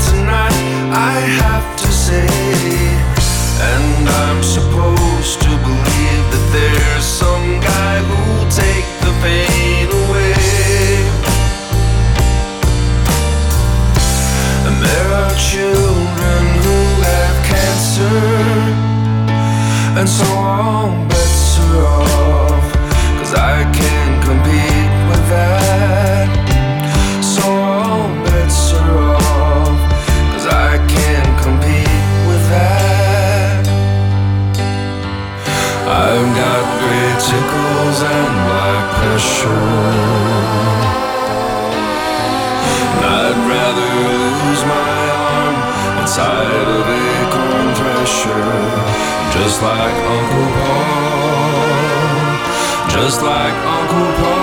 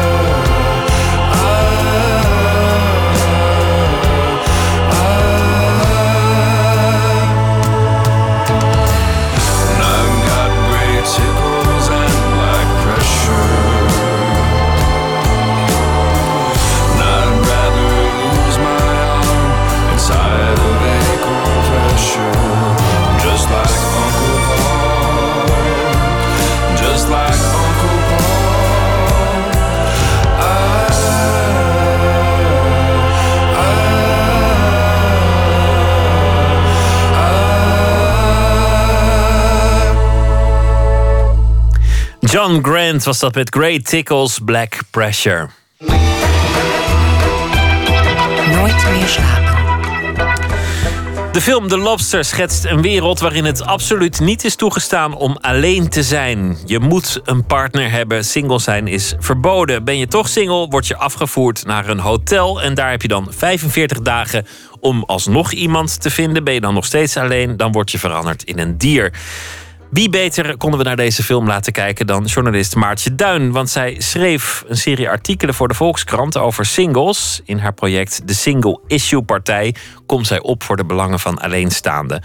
Verslaggever Botte Jellema ging met haar naar de film en vroeg wat de lobster laat zien over het belang van de relatiestatus. Eh, het begint ermee dat een man van, eh, wordt door zijn vrouw verlaten. You have to hurry up. Hij wordt eh, in een busje afgevoerd. En dan komt hij in dat hotel. We weten dan eigenlijk nog helemaal niks. Maar dan vindt er dat, dat intakegesprek eh, vindt plaats. Have you ever been on your own before?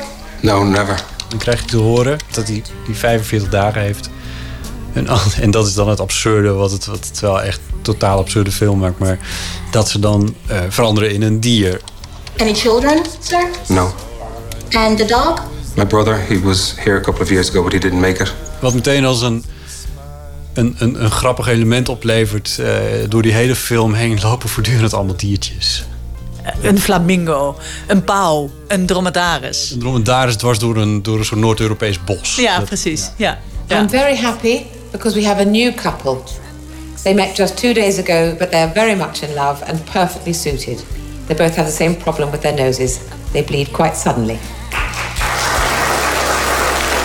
Twee kunnen er wel een stijl worden, omdat ze een bloedneus hebben, allebei, regelmatig, al dan niet gefaked. If you encounter any problems, any tensions, any arguing that you cannot resolve yourselves, you will be assigned children. That usually helps a lot.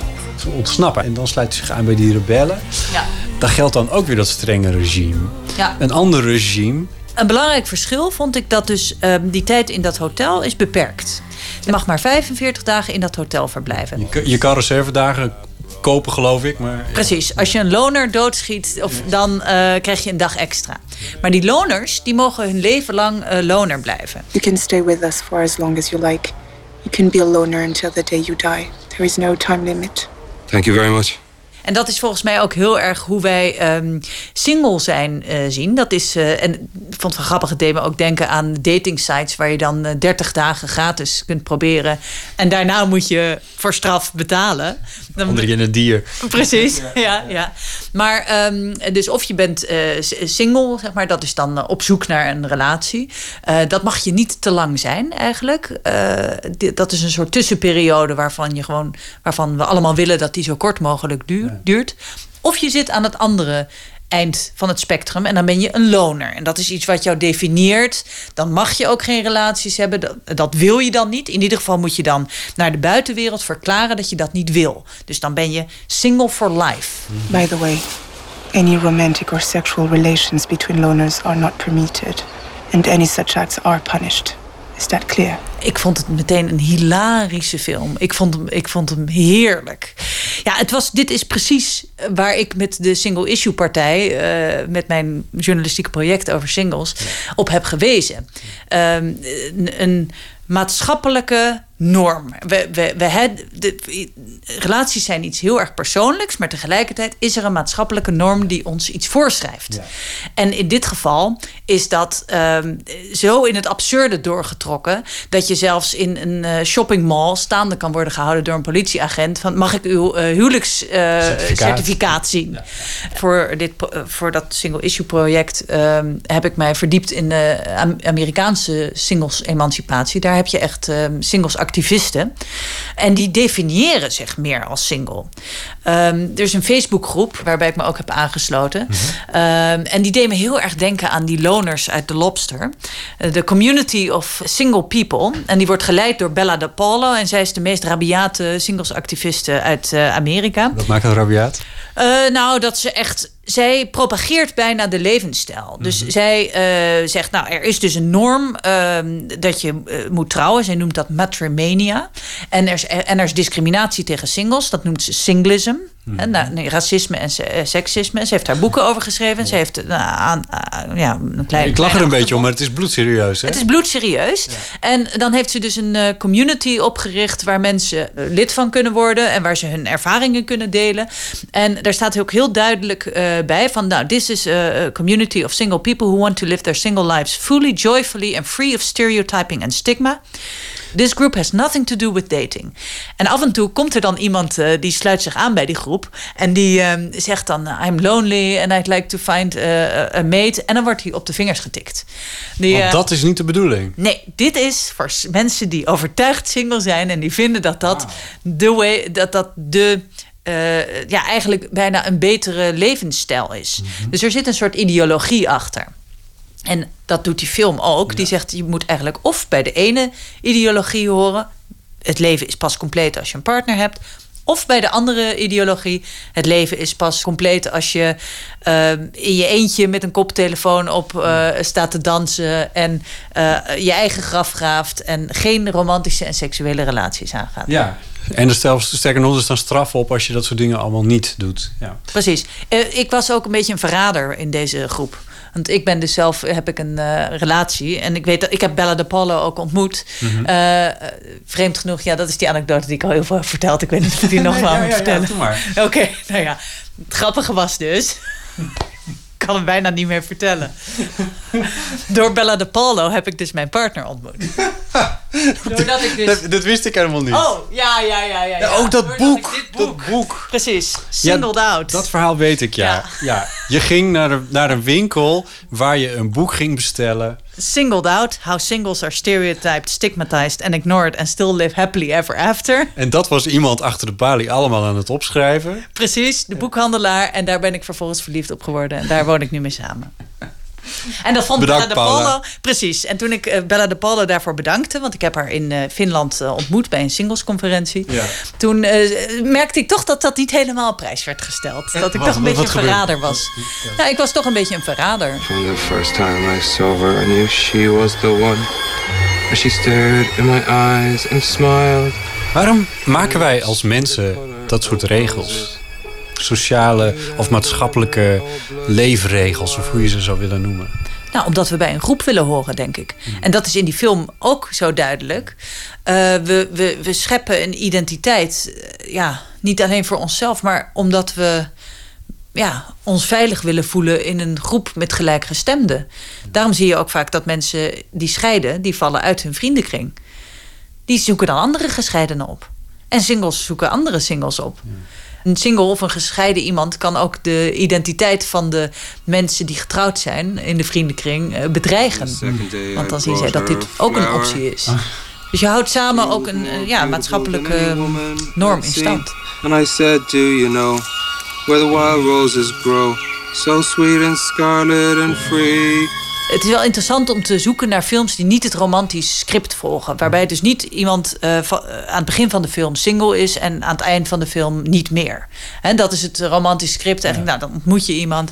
En daar zijn dan inderdaad wel een paar films eh, bij te bedenken. Waarbij dus iemand single is en het gaat over zijn vriendschappen bijvoorbeeld. Of over hoe hij zich tot zijn single zijn verhoudt. Hoe, hoe, hoe, hoe een hoofdpersoon geen partner vindt, weliswaar, maar toch een ontwikkeling doormaakt in haar alleen zijn. Maar deze film gaat nog een, een stapje verder. Deze film treedt helemaal buiten die scripts en zegt eigenlijk: ehm, er is geen oplossing. We, we zitten gevangen. We zitten gevangen in, in het, ofwel het ene ofwel het andere script. En je zag dus ook binnen deze community dat daar met verwarring op werd gereageerd. Dit is een voornamelijk Amerikaanse community en die film is daar nog niet uit. Maar Het is een Europese film, Grieks, Grieks, Brits volgens mij. Grieks. Ehm, die mensen, deze overtuigde singles, die zijn dus niet in staat om even een afstand te nemen van, oh, wij zijn eigenlijk ook een subcultuur. En kunnen dus die film, wat mij betreft, dan niet op waarde schatten. Misschien sommigen wel hoor, misschien genera- generaliseer ik ook weer, maar. On the third day, he took me to the river. He showed me the roses and we kissed. Hij voelt zich eigenlijk in geen enkel systeem helemaal thuis. Dus hij wil niet binnen 45 dagen een partner hoeven vinden.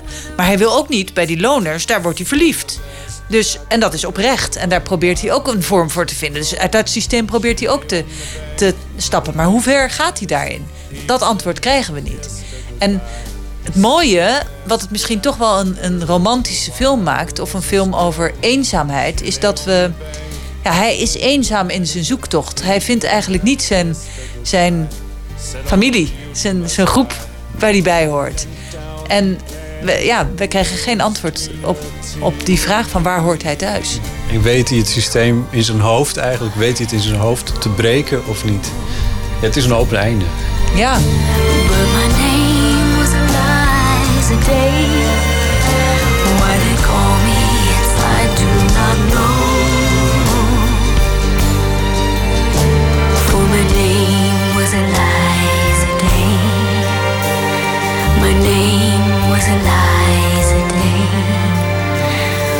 My name was Eliza Day. Botte Jellema in gesprek met journalist Maartje Duin over de film The Lobster. Afgelopen jaar was dat de winnaar van de juryprijs in Cannes op het filmfestival. Vanaf donderdag te zien in de bioscoop. We gaan luisteren naar Massive Attack uit 1998. Het nummer Teardrop.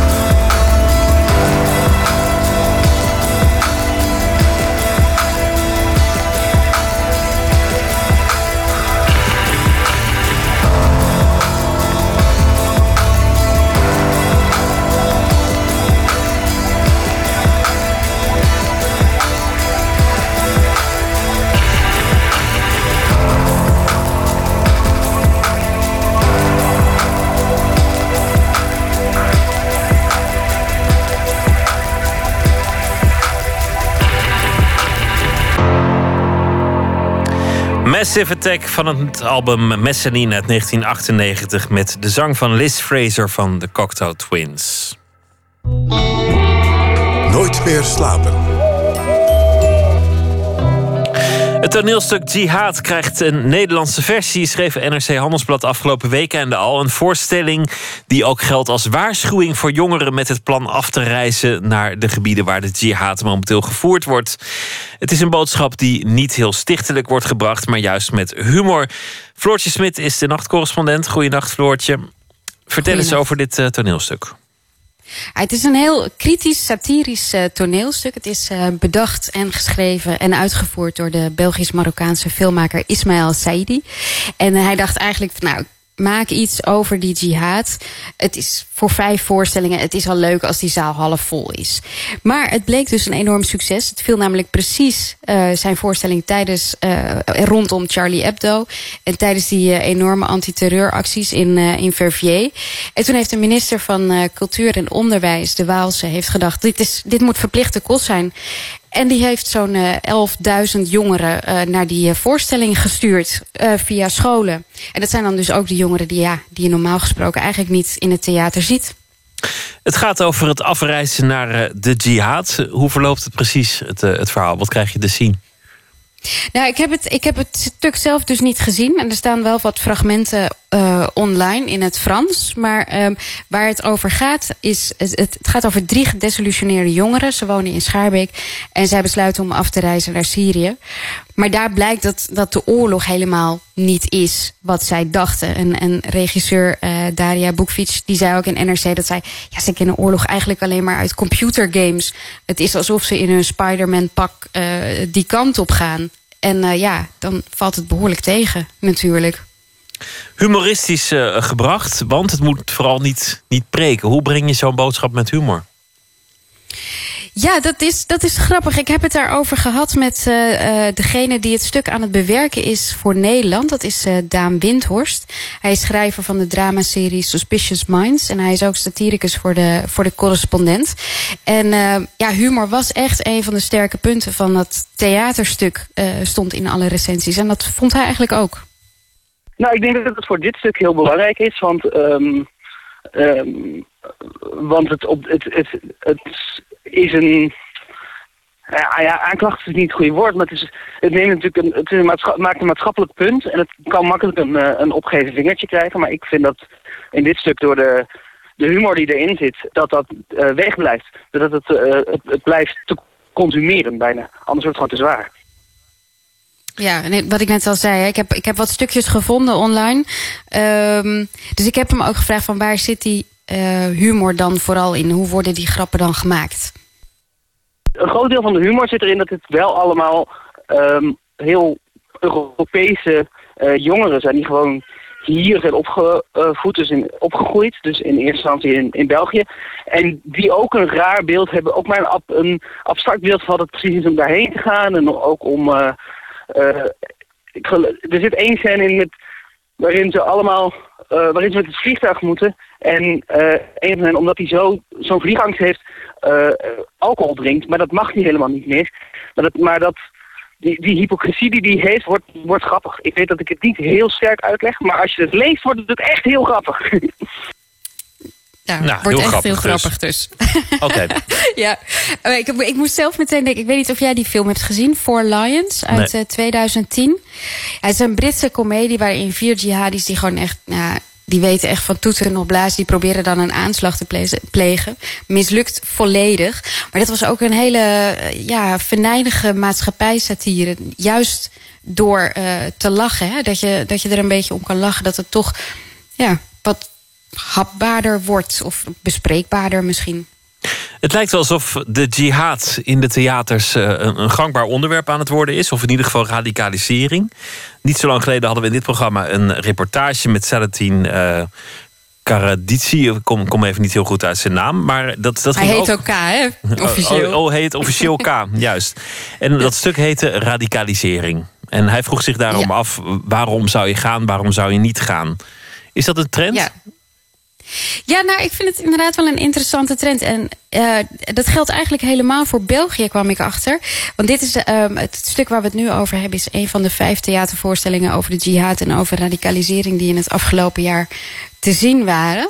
Ehm, ze zijn vaak ook gemaakt trouwens door theatermakers... die die cultuur heel goed zelf kennen. Die, die Ismaël Saidi bijvoorbeeld, die is zelf half Marokkaans... En ehm, voor deze Nederlandse versie zijn ze ook echt wel een beetje op zoek gegaan... ook naar die mensen die met twee benen eigenlijk... eh, of ja, die in twee culturen verstrikt zitten. Zoals, zoals de, de regisseur Daria Bukvic.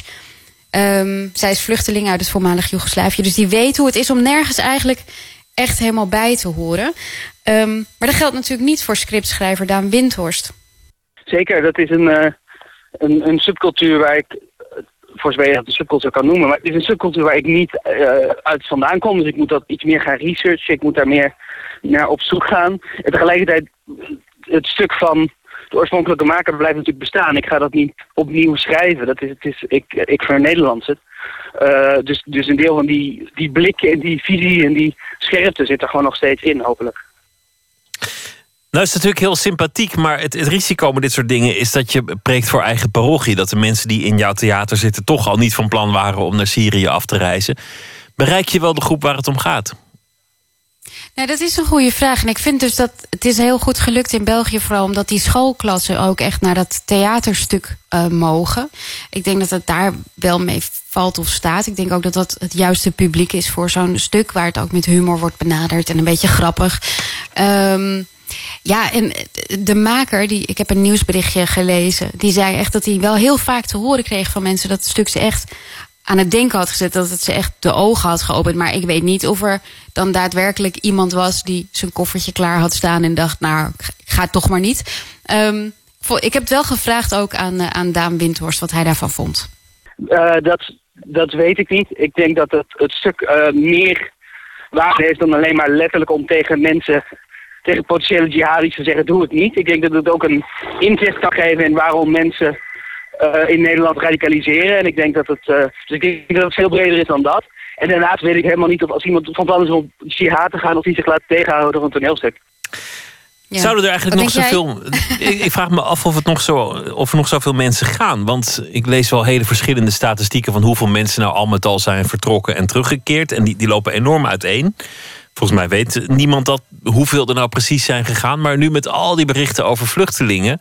En, nu het nieuws zo is veranderd, vraag ik me af of die stroom nog steeds zo groot is. Of dat mensen in- inmiddels met andere dingen bezig zijn en ook wel weten dat het gewoon geen goed plan is. Ja, dat, dat, ja, dat, ik moet eerlijk zeggen dat ik dat ook wel een beetje vind. Ik denk ook wel door al die, die video's die juist wordt, eh, wordt verspreid door die eh, jihadisten... dat je ook wel een klein beetje weet waar je aan toe bent. Je kan niet daar nog aankomen en compleet wereldvreemd zijn, volgens mij. Maar ja, het, eh, het- in ieder geval, het maakt het wel bespreekbaar. En het maakt het misschien ook wel weer bespreekbaar voor ja, ouders en hun kinderen. En nou ja, dat is altijd... ja, ik ben, ik ben heel erg benieuwd naar het stuk. Jihad, eh, mede geproduceerd door de Meervaart in Amsterdam... en zal in januari en februari 2016 te zien zijn voor jongeren vanaf 14. Floortje Smit, dankjewel. Goeienacht. Goeienacht. Uit eh, Canada, uit Montreal, komt de band Franklin Electric. Een eerste plaat is verschenen, This Is How I Let You Down. En dit nummer gaan we draaien, The Strongest Man Alive.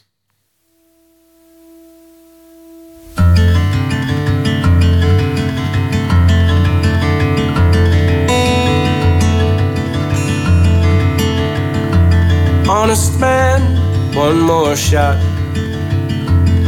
Who's been free all the time. Watch him falling off the top. As he believes his heart might stop. Ain't no worry that's worth a soul. Ain't no days gone by that he don't count the times that he told himself, let go. He thinks too much to himself. He ain't superstitious, but he's making a wish tonight. He knows what it means to see heaven inside of his mind. Oh, the hell with it, he's drinking again. Like breathing poison air mixed up his feelings. He's a little bit weary and a little bit worried. Used to feel like he's the strongest man alive. And I hear something, such a lonely sound from far. Can you feel someone creeping up behind you? And you're too scared to see if you might know them. Every strong man gets scared sometimes.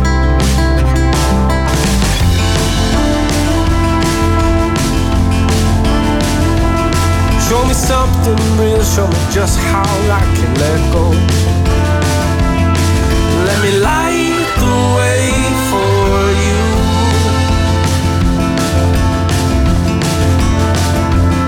When the candle dies and fear takes over you,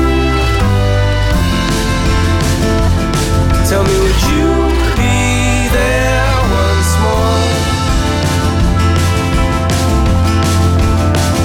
Like you're the last man standing in the first to know that you've been so confused and been led to believe that you are in your mind and that you never told the truth. Now it's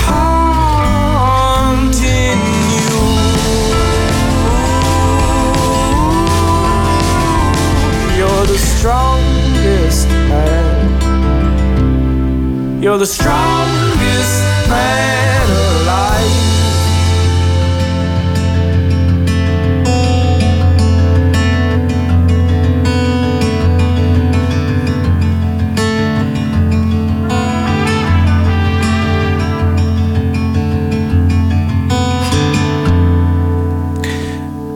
Van de Canadese band Franklin Electric, het nummer The Strongest Man Alive.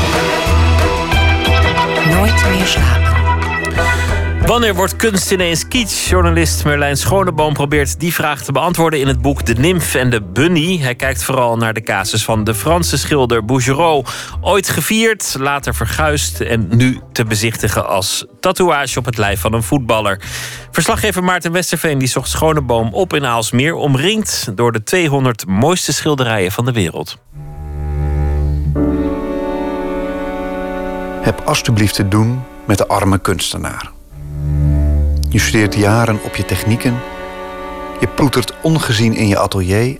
En dan, als je het aandurft, ga je ermee de hort op. Je toont je werk en wacht op wat komt. Als je geluk hebt, komt er lof. Als je pech hebt, hoon. En als het echt tegenzit, niks. En zelfs dan is het niet gedaan. Want wat mensen van je denken verandert. En als je geluk hebt, wordt het ongeziene eindelijk ontdekt. En als je pech hebt, blijkt dat wat men ooit mooi vond, nu opeens kitsch is. Je hebt het maar te pikken. Het gebeurde de Fransman William Adolphe Bouguereau. In de 19e eeuw was hij een gevierd schilder. En een mooi schilder bovendien, met aantrekkelijke vrouwen in mythologische settings. Maar in de 20e eeuw werd zijn werk gehaat en verworpen. Goedkope kitsch voor de massa's.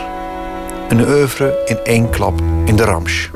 En toch, toch sta ik hier met kunstjournalist Merlijn Schonenboom naast zijn werken op een tentoonstelling met de 200 mooiste schilderijen. We zijn nu bij de tentoonstelling de 200 Greatest Paintings eh, in Aalsmeer. De enige plek waar eh, mijn schilderij, waar ik het boek over heb geschreven, in Nederland te zien zou kunnen zijn. Eh, als reproductie is dat. En dat dat schilderij is opgenomen als deel van de 200 beste of, of beste kunstwerken eh, ter wereld is, is ehm, eh, eigenlijk heel vreemd en ook heel voor mij was het heel mooi, een heel mooi einde van het boek eh, wat ik heb gemaakt. Omdat dat boek gaat erover hoe één schilderij, de Nymphe et Satire van Bouguereau, hoe dat eh, binnen 140 jaar eerst bejubeld is als de hoogste kunst. Daarna eh, vergeten is of belachelijk gemaakt als de allerergste kitsch. Ehm, en op een gegeven moment weer terugkwam in de publieksaandacht. Ehm, eerst bij musea werd het weer laten zien. En uiteindelijk via het internet is het eh, tot een eh, heel populair schilderij uitgegroeid. In eerste instantie in Amerika. Maar het mooie van het, eh, of het interessante aan het, van het internet is dat het via Amerika terug naar Europa is gekomen. het is een Frans schilderij, het is naar Amerika vertrokken in eind 19e eeuw, omdat daar de grootste fans van deze schilder zaten. Ehm, en nu komt het weer terug. Het is natuurlijk uh, dat schilderij zou nooit hier zomaar in Nederland komen, maar dat het hier hangt bij zo'n breed publieksoverzicht. Ook nog in Aalsmeer. Dat vind ik om verschillende redenen uh, perfect passen bij een nieuw soort status van een schilder die uh, 60, 70 jaar lang um, absoluut not done was. De samenstellers hebben het op, de, op, die manier samengesteld dat ze de beroemdste werken uit uit musea, de iconen, daar zien we de nachtwacht, hebben opgevraagd, of althans uit hebben gezocht. Het is een PR-firma die het gemaakt heeft. Het is geen bureau van kunsthistorische PR-firma. Ze hebben gekeken wat. Um, en ze hebben gekeken wat het bekendst op internet is. En dat is de, de reden waarom ook een schilderij als uh, Nymphe et Satire er, erbij is, omdat dat een nieuw soort populariteit geworden is. Via Um, Bouguereau was een schilder die bij de kunstcritici nooit, nooit goed is aangekomen. Bij een bepaald soort kunstcritici wel. Maar bij de kunstcritici die eigenlijk de, de basis van de moderne kunstkritiek hebben gelegd, zoals Zola, um, Emile Zola, de schrijver, Franse schrijver, heeft, was die altijd um, uh, vijandbeeld. In de hele 20e eeuw is dat zo gebleven. Uh, Gombrich, de beroemdste uh, kunsthistoricus van de, van de jaren 60 en 70, uh, vond het een schilder van pin-ups. Daarom ook, onder andere ook daarom mijn titel, boektitel. Um, maar door de opkomst van het internet krijg je opeens een heel andere functie van, um, van kunstkritiek. Kunstkritiek is niet meer het enige en het laatste woord. Kunstkritiek is een ik wil niet zeggen een marginaal woord, maar het is een woord wat in de krant geschreven wordt of, of op de radio gesproken wordt. Internet voegt daar opeens de stem van de fan aan toe. Op het moment dat jij 35.000 fans hebt van een bepaald schilderij of van een bepaalde schilder en je maakt er een website en die zegt deze schilder vind ik beter dan Cézanne of Manet, de beroemde, beroemde eh, vernieuwers van de late 19e eeuw. En heel veel mensen liken dat, hè, klikken erop. En dan op een gegeven moment gaat dat natuurlijk een eigen, eigen uh, leven leiden. Het voegt iets toe aan um, hoe er naar kunst gekeken kan worden. Namelijk niet alleen maar vanuit de blik van de kunstcriticus of van het museum, maar ook van een publiek wat zegt: ja, maar ik, ik vind dat juist mooi. En ik weet dat jullie dat niet mooi vinden, maar ik vind dat mooi. Schonebooms boek onderzoekt de kwetsbaarheid van schoonheid en smaak. En met een gelukkig einde. De schilder Bouguereau is weer in genade aangenomen. Maar hoe kon hij überhaupt in ongenade vallen? Het was de pech van de Fransman dat zijn carrière samenviel met de uitvinding van de vijand van alle kunst: kitsch. Er ontstonden overal markten, onderdeel van de kunstmarkt, waar schilderijen werden gekocht, verkocht die veel goedkoper waren, veel sneller gingen. En in München heeft dat onder andere tot het woord kitsch geleid. Um, het, het, begrip wat in eerste instantie goedkope, snelle productie betekende, is later een begrip geworden voor goedkoop, snel, banaal, et cetera. Waar heel snel door, door, door ja, schilders die niet zo duur waren als, als, als en dergelijke, toch voor een, voor een publiek wat, wat, wat, wat een beetje status wilde hebben, snelle schilderijtjes gingen maken. Daar is, is dat begrip ontstaan. Um, je, je merkt dat, dat, dat die eigenschappen die daar in dat eh, het, meer sentiment, uh, dat dat op een gegeven moment in de, in de hogere kringen niet gewaardeerd worden. Die, die willen zich uh, willen afstand daarvan nemen. Die zoeken iets wat ook dichter bij hun staat. Kitsch verandert steeds. Het is, het is, er was zo'n zo'n zo'n Duitser die eh, begin eh, 20e eeuw... die voor mij een van de eerste kids tentoonstellingen heeft gemaakt. Was een man die, die was tegen sentiment, eh, tegen te veel decoratie en tierenlantijnen... en die stelde eenvoud, ehm, eh, helderheid ehm, voorop. En dat is, dat is iets wat, wat, wat toen heel belangrijk werd gevonden. Kitsch is dat wat doorschiet, wat barok is, wat, wat tierlantijnen heeft. Nou ja, dat, dat is een opvatting. Je kan ook ehm, zeggen iets, iets. eh, Wij zeggen nu eerder: kitsch is iets wat, wat eendimensionaal is. Wat alleen het ene wil laten zien en niet het contrapunt in zich draagt. Wat niet gelaagd is, zeggen critici vaak. En dan word je, kan je een gek gevoel van krijgen, want het wordt gelaagdheid. Maar ik vind het ook, het, zegt wel veel. Namelijk is, er zit meer in dan alleen bijvoorbeeld een vrolijk nymfje, bij wijze van spreken. Het werk van Bouguereau heeft een nieuwe schare fans gevonden... en is zelfs op de schouders van voetballer David Beckham terug te vinden als tatoeage. De grenzen tussen goede en goedkope smaak vervagen. Volgens Merlijn Schonenboom mag je weer dingen waarderen omdat ze gewoon mooi zijn. Een bijna revolutionair idee. Ik vind het goed geschilderd en ik vind het ook nog leuk om naar te kijken. Die twee aspecten, die, wat natuurlijk in de 20e eeuw het ergste was wat je kon zeggen, die beide dingen. Alles wat in eind 19e eeuw gemaakt werd en wat we allemaal zeiden, dat is allemaal kitsch. En die gebruiken dat nu met een soort dubbele bodem erin. Je kijkt ernaar en als kunstliefhebber dan zeg je dan ja, maar ik weet dat het ook een beetje slechte smaak is, maar toch geniet ik er daardoor ook wel weer van. En dat is de, ja, laat ik het maar zo zeggen, de omweg die de elite nu, nu heeft om naar schilderijen als van Bouguereau te kijken.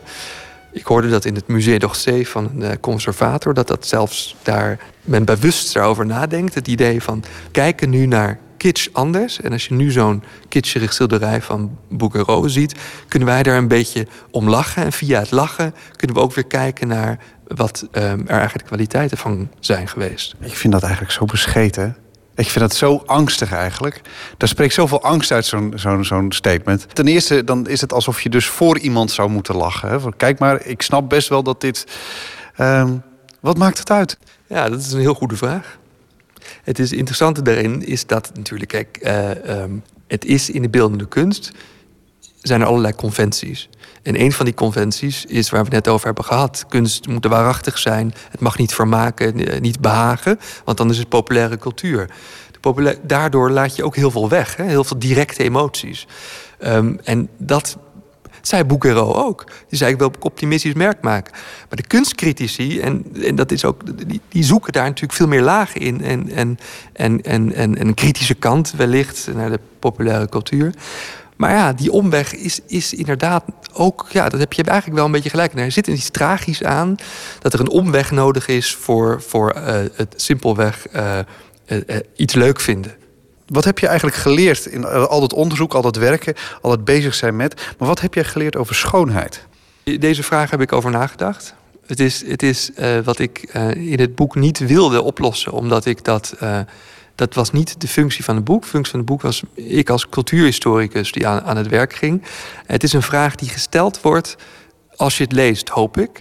Dat je dus. eh, dat je dus ehm, dat je dat dus, je ziet meerdere vormen van schoonheid aan je voorbij trekken. En zoals het bij mij is, hoop ik ook dat het bij anderen gebeurt. Dat je in zowel in barokke vorm van schoonheid, dus overdreven, over de top schoonheid, als in de confronterende, naakte waarheid van, van bepaalde schilders, een schoonheid kan vinden. En dat er dus niet het ene of het andere is.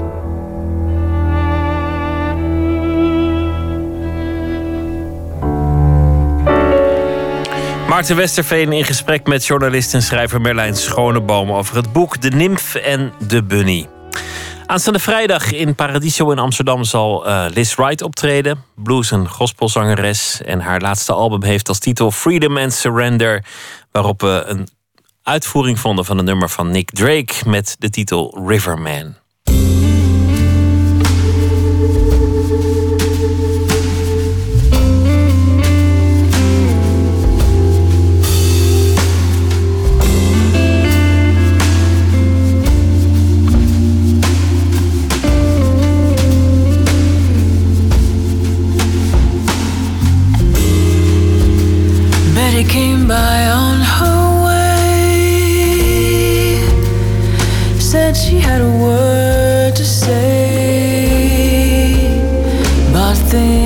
Today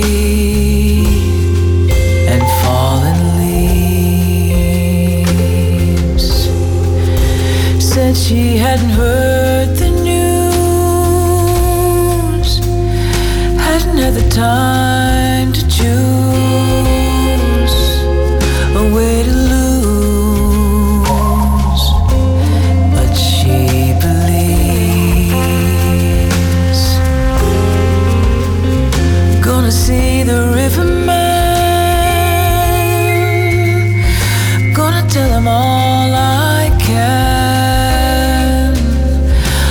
about the plan for lilac time. If he tells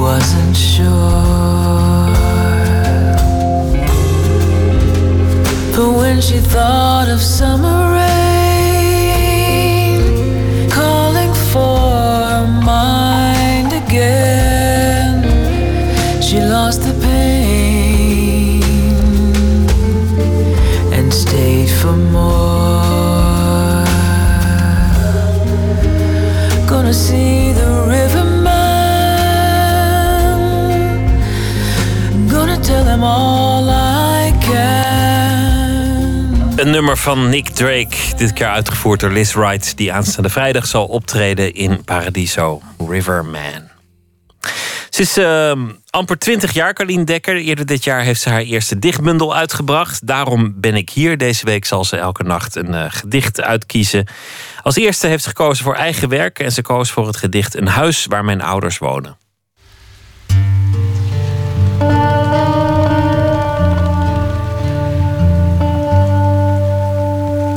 Dit is het eerste gedicht uit mijn dichtbundel Daarom ben ik hier, die dit jaar in 2015 eh, is uitgebracht. Het is ook mijn favoriete gedicht uit de dichtbundel, daarom misschien dat hij ook eh, als eerste is gekomen. En het gedicht heet Een huis waar mijn ouders wonen. De eettafel kraakt onder stille gesprekken. De muren trillen, de gordijnen in brand. Mijn vaders ogen treurig, de daken lekken. Ooit heb ik hier alle landen geleerd, nu blaft de hond al dagen niet meer. De waslijn geknapt, de verwarming kapot. De wekkers gestopt, de meubels verstoft. De thee wordt hier koud gezet. Mijn moeder strompelt hier door de nacht. Soms vind ik haar huilend op de gang. De buren spreken mijn broer gevlucht, de schutting is hier in elkaar gezakt. Soms keer ik terug, maar des te langer ik blijf, des te meer ik op mijn moeder lijk en mijn vaders trieste ogen krijg. Carlien Dekker was dat. En dit was ook eh, Nooit meer slapen. Morgen weer een eh, gedicht van Carlien en heel veel andere dingen. Nu een hele goede nacht en graag weer tot morgen. Op Radio 1, het nieuws van alle kanten.